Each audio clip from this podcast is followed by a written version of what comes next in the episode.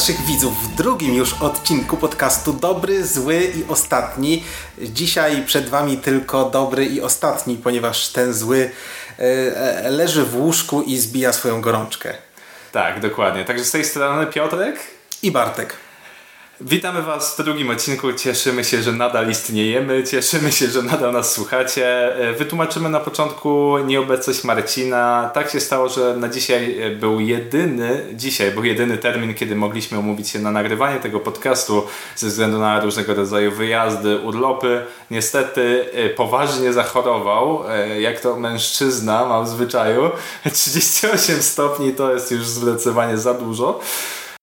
Cześć, Marcin z przyszłości. Korzystam z tego, że ja składam odcinek i muszę tu naprostować Piotrka. Temperatura nie była 38, tylko 39,5 i zaoferowałem się nawet chłopakom, że się zatabletczę i dojadę do nich, żeby nagrać ten odcinek w jedynie słusznym terminie, który sobie wybraliśmy.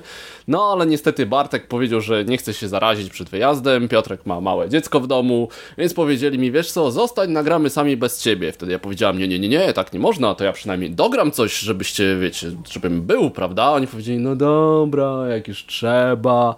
E, więc w ten sposób będziecie mnie słyszeć w tym odcinku troszeczkę. E, I jeszcze raz, temperatura była 39,5 i nie leżałem w łóżku, bo nagrywałem do tego odcinka pewne fragmenty, tak więc no. No, wracamy do odcinka. E, nie, no śmiejemy się. Po prostu Marcin e, zachorował, także dzisiaj e, będzie z nami duchem, ciałem go z nami nie ma, ale mimo wszystko nagrał nam swoje mm, części wypowiedzi, także będziecie słyszeli również jego w tym podcaście, jak odpowiada na wasze pytania i wypowiada się na różne tematy. No dobra, to chyba czas przejść do pierwszego segmentu. Tak. W dużym podsumowaniu jeszcze co dzisiaj nas czeka w tym odcinku. Bartku, przypomnisz jaki mamy rozkład jazdy? E, może zostawię to dla Ciebie. Dobrze, więc e, w pierwszej części standardowo będziemy mówili o grach, w które ostatnio graliśmy, wpadły nam w oko. Druga część to będzie standardowe odpowiadanie na Wasze pytania, a trzecia część dzisiaj promocyjnie będzie top 5 e, naszych przereklamowanych gier, czyli gry, które gdzieś są wysoko notowane, są doceniane, a jednak z jakiegoś powodu nam nie do końca się spodobały, albo uważamy, że nie są tak dobre, jak y, ogół ludzi uważa. Także przechodzimy do pierwszej części, gdzie będziemy mówili o, o grach, które ostatnio wpadły nam w oko i może Bartek zaczniesz ze swoim pierwszym tytułem. Dobra, dobra. Eee, ja tylko jeszcze chciałbym e, przeprosić wszystkich widzów, których oszukałem e, w poprzednim odcinku. E, to nie do końca z mojej winy. Powiedziałem wam, że będę już żonaty w momencie, kiedy tego odcinka słuchaliście. Tymczasem Piotrek podstępnie puścił jednak odcinek przed moim ślubem, więc wszystko, co usłyszeliście miesiąc temu było kłamstwem. Dokładnie, jeżeli chodzi o gry, również jeżeli chodzi o ślub też. Także te, te wszystkie gry, które mówiliśmy, że są słabe, są dobre, a te dobre są słabe. Dobra. E, wracając, e, wracając do tematu. drobna zmiana formuły będzie taka, że będziemy o grach mówić na zmianę. Ponieważ tak, dobrze pamiętam, tak, że to tak, zmiana. Tak, tak. Ponieważ, e, ponieważ E, ja mam tych gier trochę więcej, a mniej do powiedzenia na ich temat, to zrobimy tak, że ja będę mówił o dwóch, później Piotrek o jednej. No więc e, ja zagrałem w tym miesiącu w 8 nowych gier, które nie grałem wcześniej. E, Pierwszą z nich było Ascension, to jest, e, to jest deck building, który powstał na fali popularności Dominiona e, i powiem Wam, że nie ma kompletnie powodu, żeby grać w taką grę, ponieważ jest ona tak kompletnie losowa, że cała idea deck buildingu, w którym kontrolujemy swoją talię, nie ma kompletnie żadnego sensu, e, ponieważ nie wygra ten, kto najlepiej swoją talię zbuduje, tak jak jest to w Dominionie, tylko wygra ten, komu najlepiej podejdą karty. Eee, od razu druga, e, Outload, nie mylić z Outlive, którą nie, niedawno wydał Rebel. Outload to jest mała karcianka w klimacie Dzikiego Zachodu, która e, w której w zasadzie chodzi tylko o to, żeby e, zgadywać, co powiedzą inni gracze i co mają na rękach. Taki, wiecie, trochę światowy konflikt, tylko jest trochę więcej tam zasad, a mniej kontroli. E, co sprawia, że trzeba cały czas wszystko pamiętać, e, a, a, a z samej gry nie ma prawie wcale. również gra, której, e, od której trzymajcie się z dala. Nie polecam. Bartosz. Kropka. Ascension, faktycznie ja, ja wiem, że dużo osób w Polsce nawet gra w tę grę, ale, ale mm, mało osób tak ciepło się wypowiada. Nie wiem z czego to wynika. Że to chyba, chyba, ja już wiem. Chyba, chyba troszkę w cieniu Dominiona wydaje mi się jest i innych deckbuilderów, że gdzieś, gdzieś, gdzieś po prostu ma jakieś swoje minusy. Ja jeszcze nie grałem, także nie będę na ten temat się wypowiadać. E, gra, która ostatnio u nas zawitała na stole, było to Podaj Dalej od wydawnictwa Rebel. E, to było moje pierwsze w ogóle spotkanie z tym tytułem. On już dawno temu wyszedł za granicą, w Polsce dopiero teraz właśnie się pojawiło. E, graliśmy z totalnymi świeżakami. Pojechaliśmy na działkę, było chyba akurat 8 osób w ekipie, więc stwierdziłem, że wyciągnę grę, nie będę tłumaczył zasad, rozdam każdemu planszetkę, rozdam marker, i gramy i róbcie to, co wam mówię. Mówię, rzućmy kostkę, żeby zobaczyć, kto ma jaki numer na karcie. Każdy patrzy na swoją kartę, patrzy na numerek, ok. Mówię, napiszcie to na swoim notatniku. Piszą na notatniku. Teraz zgodnie z, z tym, co widzicie na notatniku, narysujcie to, co macie. I każdy rysuje. I teraz mówię, że podajemy na lewo. I każdy podaje na lewo. Potem jak podamy swój obrazek o sobie na lewo, ona może spojrzeć na to i napisać hasło, co uważa, że jest na tym obrazku pisze, zamyka, podaje do następnej osoby. Więc jak widzicie, to są wszystkie zasady, o których y, trzeba tutaj wiedzieć. E, robimy tak do momentu, aż nasz notatnik wróci do nas, czyli już kilka razy był obrazek, kilka razy było słowo i, i po prostu na koniec patrzymy, czy, czy nasze tajne hasło to jest to, co wyszło na koniec. Oczywiście w 99% to będzie całkowicie inne słowo i w tym jakby jest cała magia e, tej zabawy. Można fajnie zobaczyć, jak krok po kroczku e, te hasło się zmieniało. Gra jest bardzo przyjemna. E, każdy, kto tam był, był zachwycony totalnie. Tam były głównie osoby, które grały w Monopoly to 5 lat temu urodziny, a nie jakieś tam nowoczesne planszówki.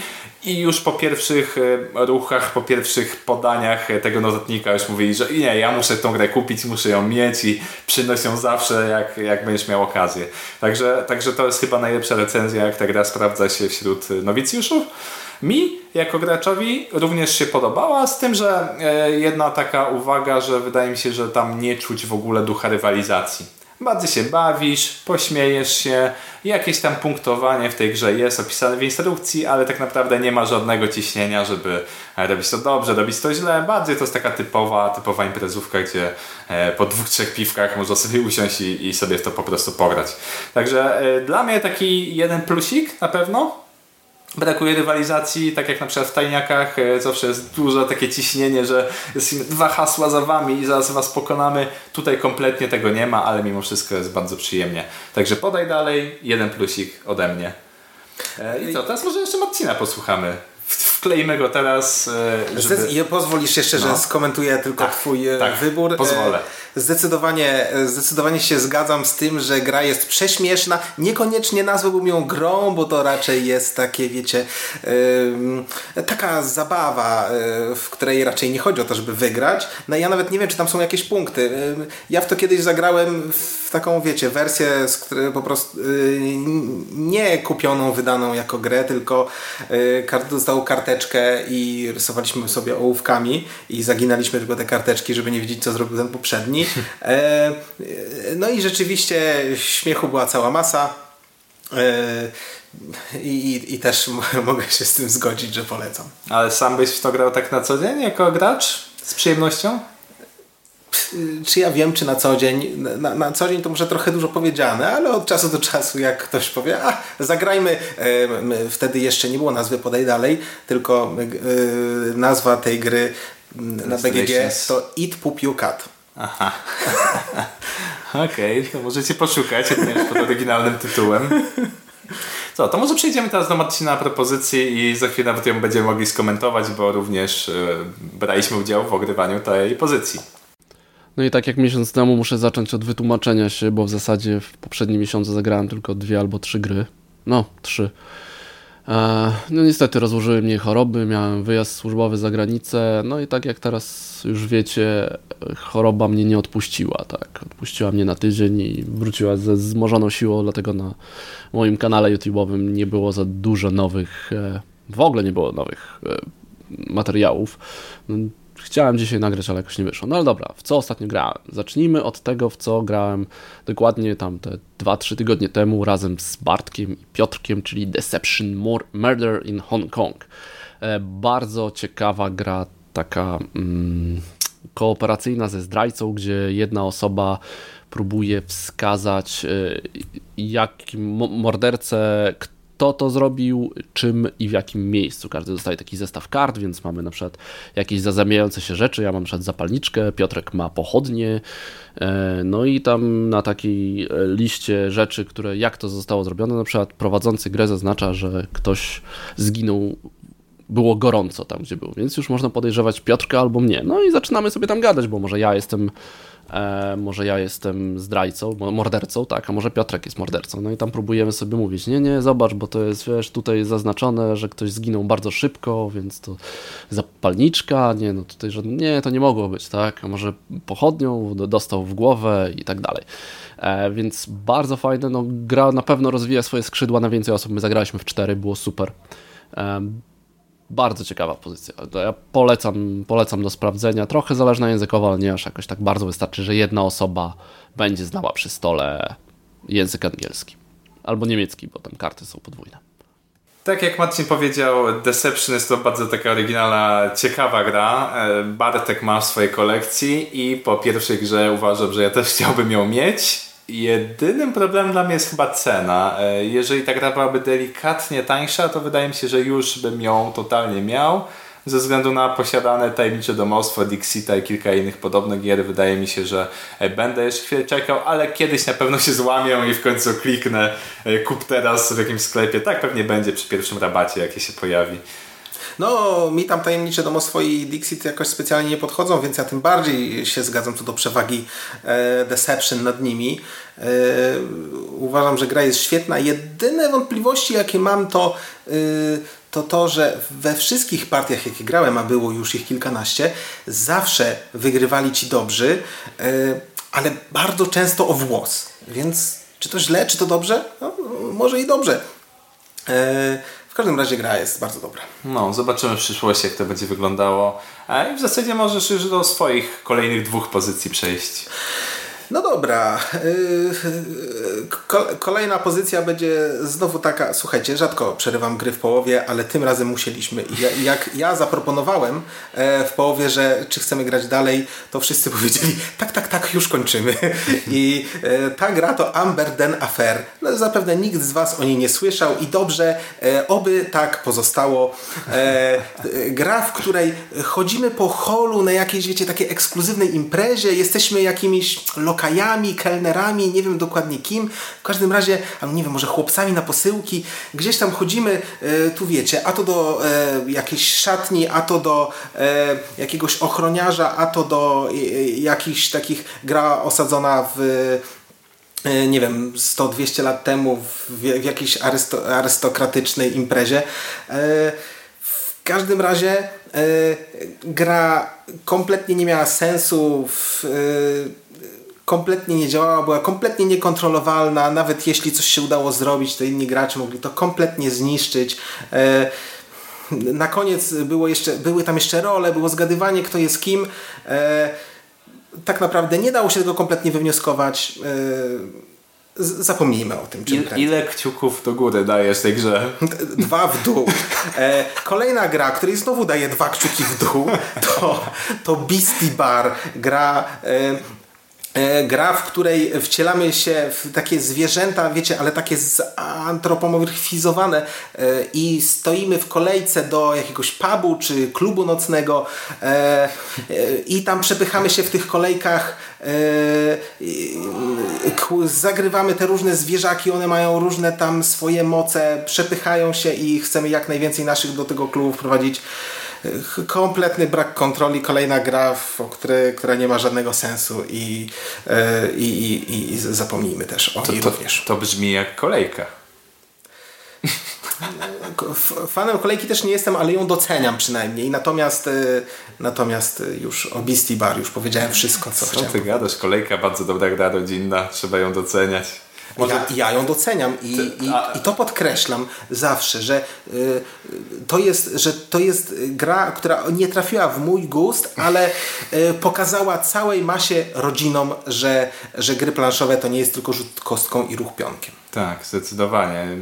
To może nie, nie jest temat kolejki, bo ostatnio w nią nie graliśmy, ale to, to, jest, to jest taka ciekawostka, że, że to jest gra, w którą grało wiele osób, które nie ma pojęcia o planszówkach, nie ma pojęcia na temat jakiejś tam strategii głębszej w grach, ale mimo wszystko jest w stanie się pobawić i, e, i, i ja pokazywałem rodzicom, byli zachwyceni po prostu. I samym tematem oczywiście i, i e, no, mechaniką również, że można tam się poprzypychać.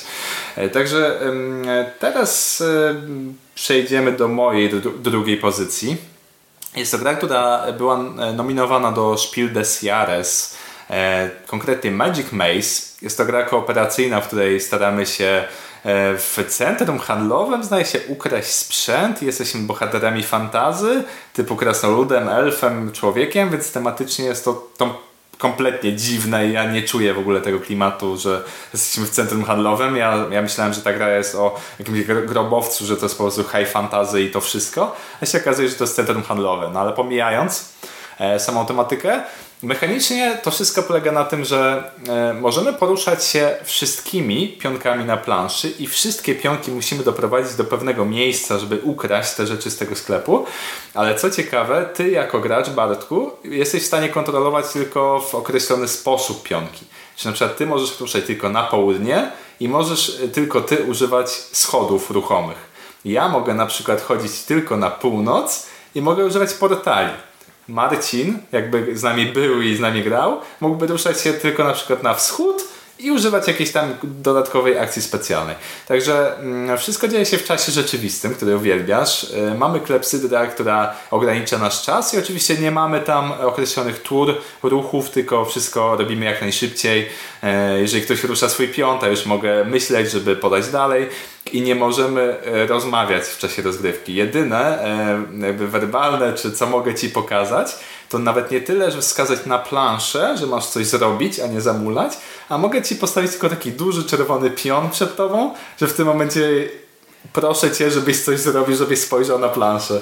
Także jest taka gra, która wzbudza dużo śmiechu, mimo że my na razie graliśmy tylko na dwie osoby, więc podejrzewam, że ona jest wtedy taka najbardziej strategiczna, a mniej po prostu imprezowa, ale, ale bawiłem się przed nią, muszę przyznać.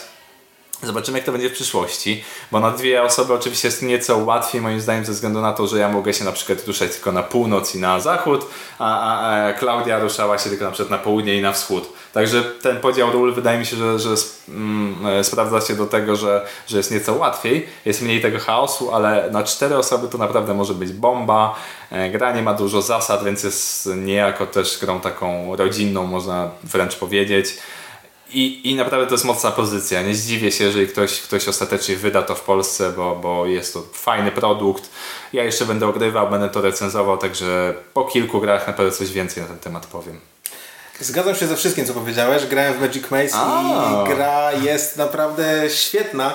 E, ja grałem, jeśli dobrze pamiętam, to chyba nawet w pięć osób. E, nie wiem, czy ta gra jest do siedmiu? Tak mi coś... Może i do ośmiu nawet, ale jest tam jakiś specyficzny chyba podział obowiązków. Już, już nie mogę sobie tego przypomnieć w tym momencie. Tak, no w każdym razie to stawianie. Sta yy, ja grałem w pięć osób, więc jak, jeśli ty grasz na dwóch, to mówię ci koniecznie zagraj w większym składzie, bo to jest po prostu świetna zabawa. Yy, wtedy gracze robią mniej rzeczy i tak jakby muszą się bardziej skupić, kiedy jest ich kolej, żeby złapać za ten. Wiecie, wszyscy ruszamy wszystkimi postaciami i to jest tak, że prowadzimy jakie, jakąś jedną postać przez tam gąszcz korytarzy, no i yy, ja tylko ruszam w jednym i tak na zmianę łapię łapiemy ten tak. jeden y, pionek tego akurat z, y, tą, tej postaci, y, która tam gdzieś idzie. No i, i najpierw, najpierw ja przesuwam, później następny gracz, później tamten, później tamten i gracze muszą się bardziej skupić, kiedy będzie ten ich moment, że, bo wiecie, wszystko w czasie rzeczywistym, śpieszymy się. No i I to jest naprawdę e, super, tym bardziej jak ktoś się nie zorientuje i nagle ten czerwony pionek ląduje przed nim, a on robi takie wielkie oczy, nie wie co zrobić. Pozostali gracze, tam tylko, tylko tej, e, e, zwiększa się takie napięcie, ktoś bierze ten pionek, stuka przed nim, żeby no... Złości wali, weź Rusz się, rusz się, rusz się. No. A dalej. No, więc... W odczuciu... E... Tę pozycję naprawdę polecam. No. no. warto też nadmienić, że gra została chyba nominowana do Spiel des Jahres. Tak, powiedziałem o tym na początku swojej wypowiedzi. Okay. E, gra w odczuciu jest nieco podobna moim zdaniem do Ucieczki. To jest chyba taka gra, która troszkę imituje tak. właśnie też taki, taki aspekt właśnie e, ruszania się pionkiem na czarze kooperacyjnie. Jest kilka e, rzeczy wspólnych.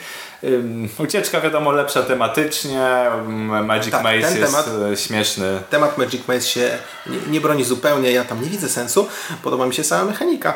Natomiast gdyby tam tematem był napad na bank. O tak. O, o super by było naprawdę. To, to już jeszcze byłoby dodatkowego smaczku takiego, że jesteśmy kryminalistami. O, super sprawa. Trzeba zrobić sequel. To już wtedy naprawdę miałoby naprawdę dużo sensu. To, to może przejdziemy do, do Josza i jego opcji numer dwa. Drugim tytułem, który ostatnio wyciągnęliśmy, no po, poza Rejsem, już Rejsa nie będę tutaj wrzucał, e, jest Lords of Waterdeep. To jest no taki w zasadzie prosty bardzo worker placement, czyli wysyłamy swoich ludzi, żeby coś tam robili, wypełniali questy. Jeżeli ktoś zna e, Dungeons and Dragons, kojarzy te wszystkie nazwy, właśnie jak Waterdeep i tak dalej, to tutaj w ogóle się odnajdzie jak ryba w wodzie. Ja nie znam, a mimo to się super bawię. E, bardzo ciekawy jest dodatek, gdzie są dwa moduły. Jeden taki, że wszystko jest droższe, da, ale daje więcej, a drugi jest, że można brać korupcję, która jest na koniec warta ujemne punkty w zależności od tego, ile tej korupcji ze stołu zniknie. Im więcej zniknie, tym więcej każda korupcja, którą wzięliśmy, będzie warta ujemnych punktów. Bardzo fajne, proste, można właśnie zagrać krótką, taką godzinną grę, można zagrać trochę dłuższą z dodatkami, to będzie gdzieś koło dwóch, dwóch godzin. Jest bardzo fajne i no można ciągle to dostać, tak, więc sprawdzałem. E, bardzo ciekawy tytuł. Lots of Waterdeep nadal u nas w kolekcji jest. Mamy nawet dodatek. Bardzo długo w to nie graliśmy. Wydaje mi się, że ze względu na to, że dodatek moim zdaniem wprowadza głupie zamieszanie z rozkładaniem samej gry, bo trzeba przygotować określoną liczbę kart z określonej talii, trzeba je w określony sposób potasować. Jeżeli chcemy zmienić te talie, to musimy znowu rozłożyć na odpowiednie kubki. E, także ta gra przez dodatek stała się dużo głębsza, dużo fajniejsza i lepsza, ale jednocześnie też bardziej taka upierdliwa w rozkładaniu. Także rzadziej wraca, ja nadal bardzo lubię, mimo że stosunkowo lekka, ale, ale to jest takie euro, e, które, które nadal mi się podoba. No i kocham Dungeons and Dragons, świat ogólnie zapomnianych właśnie krain, także zdecydowanie ja chętnie do tego wracam. Ja grałem raz z dodatkiem, bardzo mi się podobało, gry nie rozkładałem, więc nie wiem co to znaczy problem z setupem. E, też e, daję kciuk w górę. E, no to słuchajcie, ja już opowiedziałem o paru naprawdę grach, które trzeba omijać, to to teraz y, y, troszkę, troszkę pójdę do góry i opowiem o dwóch przyzwoitych grach, przy których y, było całkiem miło. Jedna z nich to Gravwell Escape from the Ninth Dimension. Gra, w której po prostu ścigamy się statkami do mety, ale... Wiem, co, wiem, wiem, wiem, wiem, co to jest. Wiem, wiem, wiem. Ale jest to bardzo ciekawe zrobione, dlatego że wszystko E, e, cała ta mechanika e, bazuje na takiej idei, że mamy tu studnię grawitacyjną i w zasadzie nasz ruchy naszych statków polegają na tym, że przyciąga nas grawitacyjnie statek, który jest najbliżej nas. Wobec tego, jeśli najbliżej nas będzie statek, który jest przed nami, to ruszymy się do przodu, a jeśli najbliżej nas będzie statek, który jest za nami, to ruszymy się do tyłu. Natomiast karty zagrywamy jednocześnie i tam też od, e, odpowiednie karty będą e, się ruszały pierwsze i odpowiednie później, e, więc ja nie mam pewności, kiedy zagrywam karty, to nie mam pewności, czy ruszę się jako pierwszy i czy sytuacja się nie zmieni w momencie, kiedy ruch przyjdzie do mnie, dlatego trzeba przewidywać, co zagrają inni, no i też zrobić to tak, żeby może prawda, siebie jak najszybciej dać do przodu, a innym po drodze przeszkodzić. Bardzo, bardzo było fajnie. Też daję jeden kciuk w górę. Jest tam taki aspekt y, planowania? Da się zaplanować, czy czujesz taki chaos w rozgrywce? Bo tak brzmi tak. według tego, co mówi, że troszkę to może być chaotyczne chwilami. Troszkę chaosu, trochę się da przewidzieć. Nie jest to gra jakoś bardzo przewidywalna, nie jest kompletnie chaotyczna. Aha, tak czyli tak, tak pomiędzy. I, i, I od ilu graczy można grać? Do ilu? Nie pamiętam. Nie pamiętam. 2-4 chyba. Aha, czyli to nie jest jakaś imprezówka na tłum ludzi, tylko nie, to nie. bardziej taki, taki, taki filler, bo to szybka dosyć tak, gra. Tak, tak, tak, szybka gra. Okay, Może no, być filler. Na pewno chcę sprawdzić. Yy, następna gra to Terra. Yy, Terra to ja bym powiedział, że to taki spin-off fauny. Yy, mechanika jest bardzo podobna. polega na tym, że mapy, mamy mapę świata, wyskakuje nam jakaś karta z, z, z czymś, z czymś w faunie to były zwierzaki, natomiast tutaj są różne rzeczy. No, Może być cokolwiek. My na przykład mieliśmy e, najwyższa elektrownia wiatrowa. No i teraz zgadujemy, gdzie ona jest i na mapie układamy e, kosteczki tam, gdzie sądzimy, że będzie. Kto tam e, położy bliżej, no to e, dostanie jakieś punkty. Kto się pomyli, no to nie dostanie nic. Oprócz zgadywania, gdzie te rzeczy są, obstawiamy też ich wysokość, obstawiamy rok budowy. Rok budowy i tam jeszcze czasem jest jeszcze, jeszcze jakaś jedna dana, która się... A, yy, obstawiamy też chyba ilość, o już nie jestem pewien. To, mhm. to, to, w zależności co to jest, czy to jest zwierzę, czy to jest y, obiekt, czy cokolwiek. Tak. Y, no i też uważam, że nawet fajniejsze od fauny, bo takie bardziej różnorodne i no i, i, i, przez to, że było bardziej różnorodne, to było tak ciekawie i różne, różne rzeczy i, były bardziej zaskakujące, no bo jednak z tymi zwierzakami to tak e, o, gdzie ten zwierzak? O, na Madagaskarze. Tak. No, skąd miałem wiedzieć? No, nie miałem pojęcia, tak? Natomiast tutaj na przykład mieliśmy największą elektrownię wiatrową. Wszyscy zgadują, gdzie to może być. To koniecznie okazuje w Polsce. I wszyscy takie wielkie oczy. Naprawdę? I to naprawdę mi się podobało. Ja uwielbiam Terę. To jest taka jedna z części ogrywanych u mnie w rodzinie przy okazji świąt i innych takich okazji, kiedy jest więcej czasu, żeby się spotkać z rodziną, e, z rodzicami, z teściami, rozkładamy, gramy. I to jest jedna z tych gier, gdzie nie musisz być graczem, żeby w to dobrze grać. Po prostu musisz mieć intuicję, musisz mieć troszkę wiedzy, musisz mieć, e, nie wiem, troszkę taki element w sobie hazardzisty, żeby gdzieś tam strzelać odpowiednie dane. I, I pod tym względem sprawdza się kapitalnie, bo niezależnie czy ktoś ma 80 lat, czy ma, e, nie wiem, powiedzmy 12-15 lat, mimo wszystko jest w stanie w to zagrać, zrozumieć. E, I, i, i e, system punktowania jest tutaj całkiem e, fajny, pod względem tym, że możemy trafić konkretnie w coś dostać dużo punktów, albo obok, być gdzieś tam najbliżej, to wtedy też mam określoną liczbę, chyba 3 punkty zdaje się. I, i, i jedyny taki może malutki minusik jest uciekającego lidera, no bo wiadomo, że w tej grze nie ma żadnego, e, żadnego motywu punktowania na koniec gry, tylko wszystko w trakcie punktujemy, także widzimy, że ktoś od nas ucieka na tym torze i, i, i możemy przewidzieć, że ciężko będzie go dogonić, ale to jest taki szczegół, ale bo... Trzeba zaznaczyć, że nie jest to żadna też kula śnieżna, ponieważ no nie, nie, nie. po prostu jeśli ktoś zdobył więcej w pierwszej rundzie, to nie, Dokładnie. nie ma żadnego związku z kolejnymi rundami. Kumulujemy, po prostu gramy na jaką chcemy ilość kart tak naprawdę i, i liczymy w trakcie odpowiadania na dane karty bardzo różnorodna, bardzo fajna, bardzo regrywalna, trzeba przyznać, bo też tych kart jest dużo, one są z tego co pamiętam dwustronne, także naprawdę na dużo, wiele, wiele godzin zabawy Wam to, to starczy. Także teraz zdecydowanie jeden i pół kciuka w górę ode mnie. Ja daję jeden bez wahania. e, także przejdziemy jeszcze do jednej pozycji, którą Marcin przygotował dla nas. A teraz trochę oszukam i powiem Wam o grze, która jeszcze nie wyszła. E, spotkałem się z Filipem Miłuńskim, najlepszym autorem gier planszowych 2016 e, roku, prawda? E, I pokazał mi swoje Pocket CV. Mm, CV możecie kojarzyć, no to już jest gra tak sprzed trzech lat, wyszło CV, wyszło, wyszły cywilizacje, zupełnie inna gra, ale by, by troszeczkę tematycznie powiązana, na pewno powiązana grafikami. Pocket CV jest bliżej do zwykłego CV, bo też próbujemy jakby swoje życie ułożyć z kart ale gra jest bardzo szybka, jest tam bardzo fajny taki mechanizm, e, gdzie są karty i w zależności od tego, jaki środek transportu wcześniej wybraliśmy, to możemy wziąć e, kartę pierwszą z dołu, drugą albo trzecią, więc jest takie mm, planowanie kilka ruchów do przodu. Oczywiście więcej osób to będzie więcej chaosu, bo te karty będą tam znikać, będą się przesuwać. Na dwie osoby było super strategicznie. Bardzo, bardzo fajny tytuł i to taki na 20 minut y, do pomyślenia, ładne grafiki, no i co? No i będzie patronat w ogóle z planszy, więc y, na pewno na z planszy dowiecie się trochę więcej o tym tytule. Bardzo ciekawe, bardzo fajne. z Bartkiem nie mamy pojęcia, co to jest za gra. E, zaprojektował ją Filip. E, ja uwielbiam jego ostatnią grę, czyli Capital. E, także ja zdecydowanie bardzo, ale to bardzo jestem zainteresowany.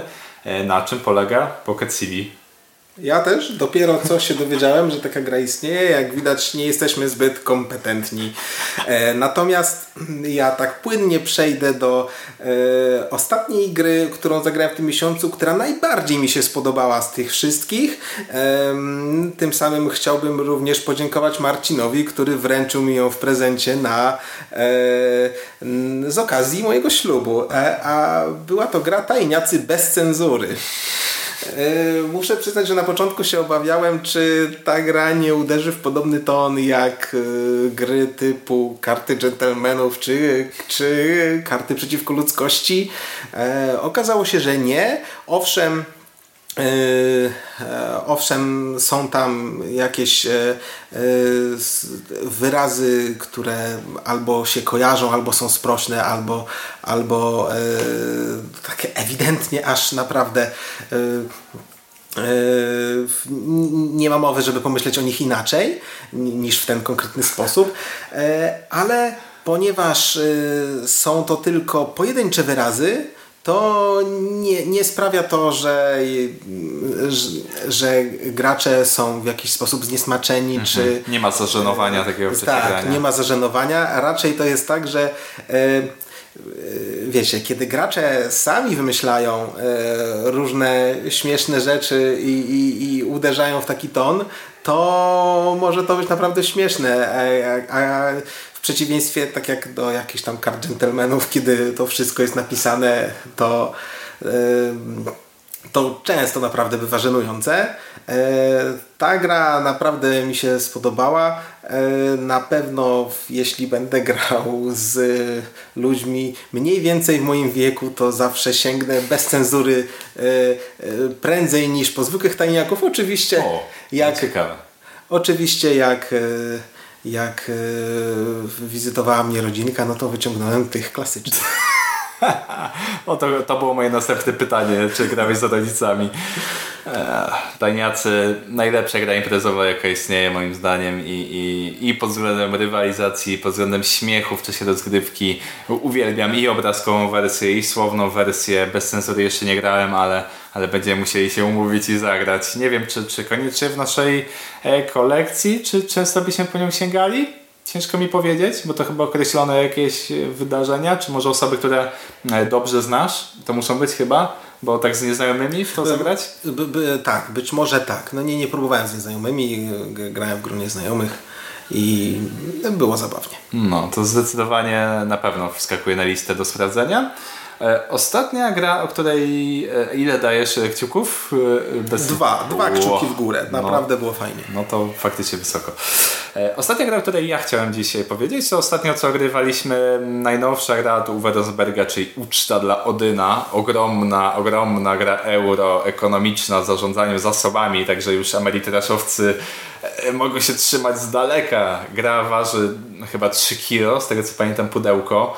I, I wyciskanie tego wszystkiego, słuchajcie, jest to praca. Jest to po prostu praca, siad, siadacie, otwieracie i macie pół godziny wyjęte z życia, żeby to wszystko sobie posortować. Dlatego słuchajcie, trzeba kupować gry używane, bo mało tego, że e, mało tego, że zapłacicie mniej, to jeszcze ktoś za was tę pracę wykona. Dokładnie, a ja niestety, niestety miałem nowy egzemplarz, więc musiałem to od zera zrobić, ale na szczęście moja żona dosyć lubi, lubi te sortowanie, wyciskanie, także sama zaproponowała, dawaj usiądziemy sobie na spokojnie wieczorkiem przy piwku e, bezalkoholowym akurat e, i, i, i to wszystko poukładamy. Sama rozgrywka e, jest naprawdę epicka, jeżeli tak można powiedzieć o grze euro. To chyba pierwszy raz mi się zdarza powiedzieć o grze ekonomicznej, że jest epicka, ale naprawdę tam ilość tych rzeczy, ilość tych decyzji i, i wielkość tego wszystkiego, co tam robimy, jest wręcz kolosalna.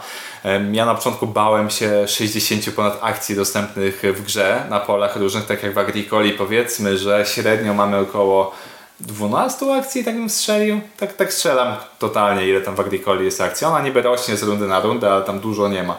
Tutaj tych akcji jest około właśnie 60 i na początku faktycznie zastanawiamy się, w którym kierunku iść, ale po pierwszej rozgrywce już widzimy, że możemy robić kutry, żeby polować na wieloryby, możemy robić pułapki, żeby zdobywać jedzenie na jakieś tam zwierzęta, które będą wpadały w pułapki. Możemy najeżdżać inne kraje, żeby zdobywać super przedmioty, które e, będą dawały nam e, większą ilość punktów, bo są po prostu większymi żetonami, więc możemy większą ilość negatywnych punktów przykrywać e, na naszej planszy. Także gra naprawdę jest duża, jest rewelacyjna. Ja Uczę Odyna uwielbiam, mimo że na przykład pola Arle mi średnio podeszły, ale może to też ze względu troszkę na tematykę, bo, bo to takie typowe już rolnictwo, taki znój pracy na roli już mi się nieco przejadł w tych grach Rosenberga. Bycie wikingiem, mimo że też związane z nie, delikatnie może z rolnictwem czy karmieniem naszych wikingów, ale jest to delikatnie coś innego i ja jestem zachwycony, także dwa kciuki do góry uczta dla Odyna. No, mi do takich, do grania w takie kolubryny to raczej się nie śpieszy, ale może kiedyś zagram, to coś powiem. Tak. Także to by było na tyle, jeżeli chodzi o pierwszą część podcastu. Teraz przejdziemy do y, odpowiedzi na Wasze pytania.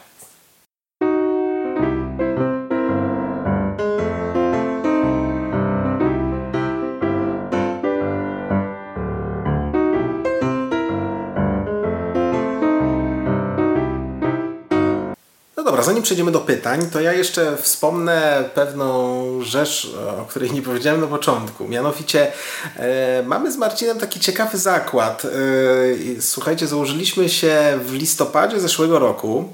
E, ja stwierdziłem wtedy, że terraformacja Marsa to na pewno całkiem niedługo wyprzedzi site w rankingu BGG. E, Marcin mówił, że absolutnie nie i to może, ale to na, jeśli już to hen hen daleko. E, wobec tego e, e, nasz konsensus skończył się na tym, że stwierdziliśmy, że do połowy roku 2017 ja uważam, że ta reformacja wyprzedzi, Marcin uważa, że nie wyprzedzi. Mamy dzisiaj 29 czerwca, czyli, czyli do 1 lipca zostały dwa dni. I nadal nie wiemy, słuchajcie, kto ten zakład wygra, bo, bo terraformacja cały czas dogania site i w tym momencie, e, a przynajmniej dzisiaj koło południa, brakowało jej 3000 punktu w rankingu BGG, e, a odrabiała mniej więcej tak czasem jeden, czasem dwie tysięczne na dzień. A zostały dwa dni. Więc mniej więcej tyle, że akurat 1 lipca jest duża szansa, że to się stanie dokładnie 1 lipca, kiedy ja powiedziałem w listopadzie, że na pewno to będzie do 1 lipca. Słuchajcie, te dobre piwo, które jest stawką tego zakładu, to jest nic w porównaniu z emocjami, jakie tutaj nami targają. To jest po prostu coś niesamowitego, że w pewnym momencie, jak oni się zakładali, to ja stwierdziłem, że no nie ma w ogóle szans, żeby po prostu hypowany site, żeby został wyprzedzony przez Terraformację, która wtedy była dopiero wznoszącym się, że tak powiem, hitem, a site to była gra, która była po prostu wszędzie, była promowana, była marką samą w sobie. E, no i nie, nie mam pojęcia, jak to się zakończy. Nie mam pojęcia. E, mam nadzieję, że e, tutaj wtrąci się z cięciem przyszły Piotrek lub przyszły Marcin i powie Wam, jakie jest rozwinięcie, rozwiązanie tego zakładu, bo jak nas usłyszycie, to już zapewne zakład będzie rozstrzygnięty. Dokładnie tak. Jeszcze o jednej rzeczy muszę wspomnieć, że jeszcze jeden zakład mieliśmy a propos poprzedniego odcinka. Nie wiem, czy pamiętasz, Bartku, o co się zakładaliśmy. Oj, chyba zapomniałem, musisz mi przypomnieć. Y, mówiliśmy na temat tego, ile w top 100 BGG jest gier, które były wydane na Kickstarterze. Rzeczywiście. Związane z crowdfundingiem. Z tego co pamiętam, Marcin trafił totalnie w punkt dał chyba tą najmniejszą wartość e, i trafił totalnie w sedno. Także już wygrał u nas piwo, które musimy mu zawieść, mimo że leży chory w łóżku, ale dostanie od nas po piwie, bo e, ten zakład po prostu wygrał. Także Marcin, gratulacje. A teraz przenosimy się do Piotrka z przyszłości, który powie Wam, jak zakończy się zakład Terraformacja Marsa kontra Site z przyszłości, ale nie Piotrek, a Marcin, bo ja składam ten odcinek.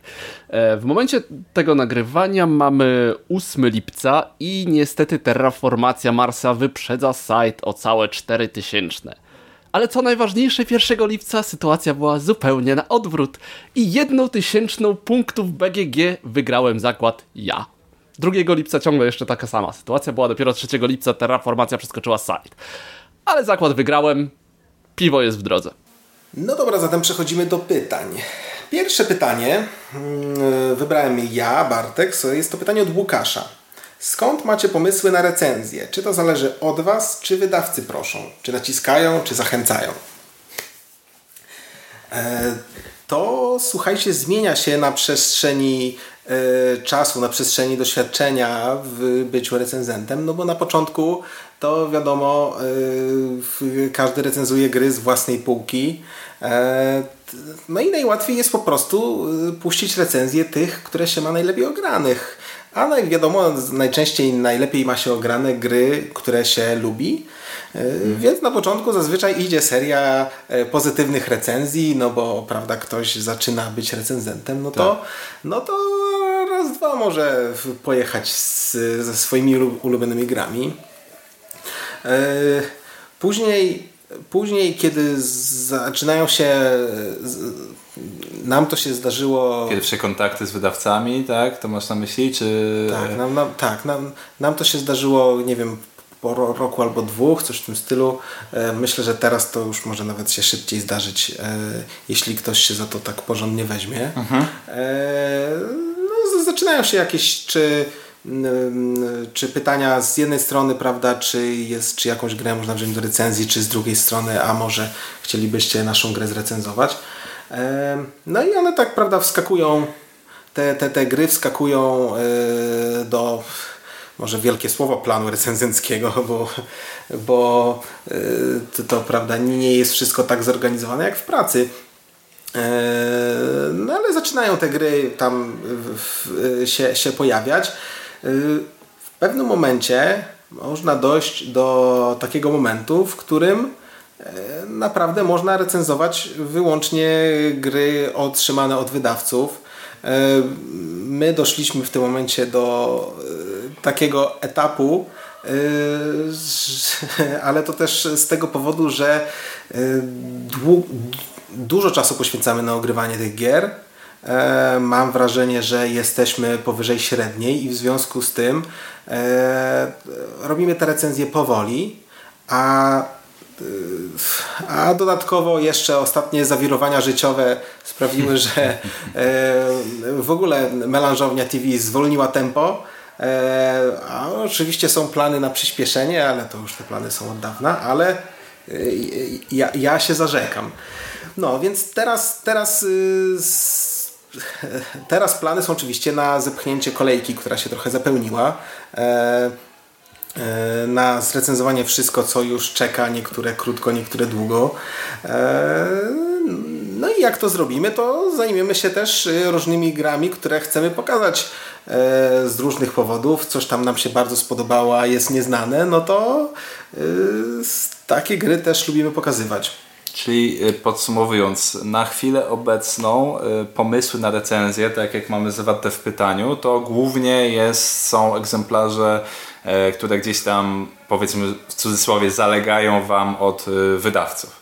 Tak, tak zdecydowanie. Czyli na, zdecydowanie na, na razie tak. nie układacie jako tako swojej ramówki w oparciu o to, co chcecie, a bardziej na razie chwilowo, chwilowo obowiązki pierwsze są. No tak, też ciężko to nazwać obowiązkami, bo prawda wszystkie gry, które wzięliśmy do recenzji, to my chcemy je ograć, chcemy zrobić recenzję, bo podejrzewamy, że nam się spodobają. Mhm. E, dlatego to, to, też, to też nie jest tak, że, że prawda, e, wydawca wciska, a później my musimy w to grać i, i z, zamiast tego myślimy myślimy sobie, och, moglibyśmy zagrać takie dobre gry, a tutaj nie, nie, nie. Yy, zdecydowanie, zdecydowanie większość gier od wydawców, które dostajemy, to już, to już yy, nam się podobają. Też jak, jak jeśli ktoś coś proponuje, a ja wiem, że to nie jest gra w moim stylu, wiem, że mi się nie spodoba, to zazwyczaj odmawiam recenzowania, bo no bo poświęcać swój prywatny czas po to, żeby ograć coś, co już podejrzewam, że mi się nie spodoba, no to, to już jednak Szkoda jest czasu. praca, tak? a mhm. recenzowanie mhm. cały czas jest hobby, a nie pracą. Tak. E, no, jedyne co mogę zdradzić to myślę, że a, a propos gier, które już nam gier od wydawców, to na pewno będziemy chcieli zrobić recenzję gry Link, ponieważ zrobiliśmy Wewnętrzny madhandel. Zrobiliśmy, tak, ja z Piotrkiem zrobiłem wewnętrzny madhandel i dzięki temu stałem się posiadaczem tej gry, ale przede wszystkim dlatego, że e, dawno, dawno temu, before it was cool, e, zrobiliśmy e, recenzję całej serii GIPF. Oczywiście wtedy gra Link nie istniała, więc w naszej serii się nie znalazła.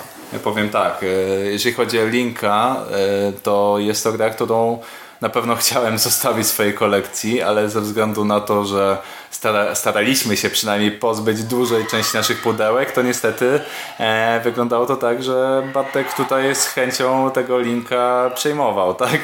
I dodatkowo okazało się, że nawet to nie tyle, że ja mu przekazałem linka, ale on w zamian przekazał mi Surviva, którego gdzieś tam miałem na e, swojej wishliście, więc w ostatecznym rozrachunku nie pozbyłem się ani jednego pudełka, i nadal nie mam miejsca na półkach. No więc tak jak widzicie, Piotrek tutaj was oszukuje i teraz już w ogóle zakręci, już nawet nie wiadomo o co chodzi. Najpierw y, tak, tak. mówi, że chce się, chce uzyskać miejsce na półkach, ale przyjmuje gry Dokładnie. w zamian, więc...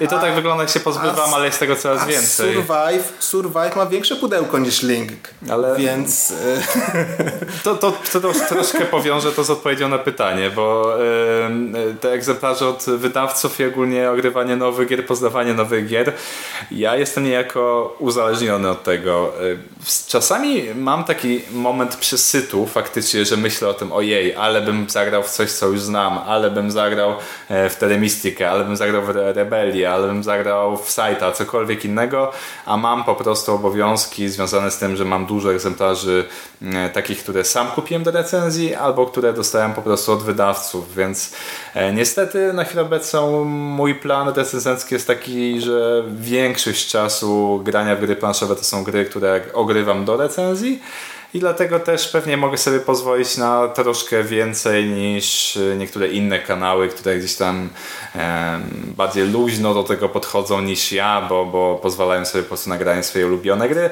Ja troszkę chyba bym chciał delikatnie zwolnić, żeby, żeby częściej do tych najlepszych, tych fajnych gier wracać. E, nie wiem, czy ja w ogóle odpowiadam na pytanie, czy tak w ogóle obok gdzieś nie, nie trafiam. Cały, cały czas jesteśmy w temacie. E, Łukasz pytał, skąd macie pomysły na recenzję. To, to głównie e, szukam w nowościach, trzeba przyznać. W nowościach czasami gdzieś starsza gra wpadnie mi w oko, którą bym chciał opisać, ale raczej, raczej e, patrzę na różnego rodzaju zapowiedzi, co się ukaże na następnych targach, co, ja, ja, co wydają te największe wydawnictwa, co mi się podoba, co mi się nie podoba Oczywiście staram się recenzować tylko gry, które, tak jak Bartek mówił, uważam, że po prostu mi się spodobają, bo jeżeli miałbym jakby z góry zakładać, że ogrywam tylko po to, żeby powiedzieć o czymś same złe rzeczy, no to w takim wypadku to zdecydowanie po prostu odpuszczam. Nawet jeżeli wydawca bardzo mnie prosi, bardzo nalega, grzecznie odmawiam, nie chcę, nie chcę recenzowania gier dla samego recenzowania i posiadania tej gry, tylko po to, żeby się męczyć, ogrywać, a później jeszcze ze smutkiem powiedzieć, że gra jest słaba. Tak, także, także skupiam się na dobrych grach. Tak, ja mam y, tutaj uwagę, y, tak jak wspomniałeś, ze smutkiem powiedzieć, że gra jest słaba. Y, to, przed czym się staramy bronić najbardziej, to jest opowiadanie o słabych bądź przeciętnych grach, a tak naprawdę przy przeciętnych jeszcze trudniej, żeby nie marudzić, żeby nie mówić ze smutkiem, żeby mm -hmm. nie mhm. tak, wiecie, z przygnębieniem, tylko, e, tylko z taką werwą, z energią, wiecie. słuchajcie, no tak naprawdę, słuchajcie, no ta gra jest beznadziejna, ale tak naprawdę to tylko nam się nie podoba. No to, słuchajcie, to jest zepsute, to nie działa, to, to, to, to, to, to, to. A, a co wy sądzicie o, o tej grze? No to musicie sprawdzić sami. I e, ja przed, y, przed y, każdą recenzją pracuję nad tym, żeby, żeby, wiecie, żeby pobudzić w sobie takie wręcz, wręcz czasem nawet ponadnaturalne takie pokłady energii, bo takie, wiecie, takie, takie e, e, recenzje z taką energią to się zdecydowanie lepiej ogląda. To wiadomo. I to, czego strasznie nie lubię, to kiedy komuś gra się nie spodoba, to siedzi i narzeka. To, to ja, to, to ja. naprawdę mam, jeśli słuchają tego jacyś recenzenci, naprawdę proszę o emocje. Naprawdę. Emocje to jest to, co naprawdę e, w każdej recenzji bym chciał zobaczyć. Bardzo mi się podobał filmik, który ostatnio zrobił trochę szumu. To był kiedy, kiedy e, Łuki zrecenzował ucztę dla Odyna i został obsmarowany, że e, niszczy komponenty i rzuca wszystkie. Rzuca elementami.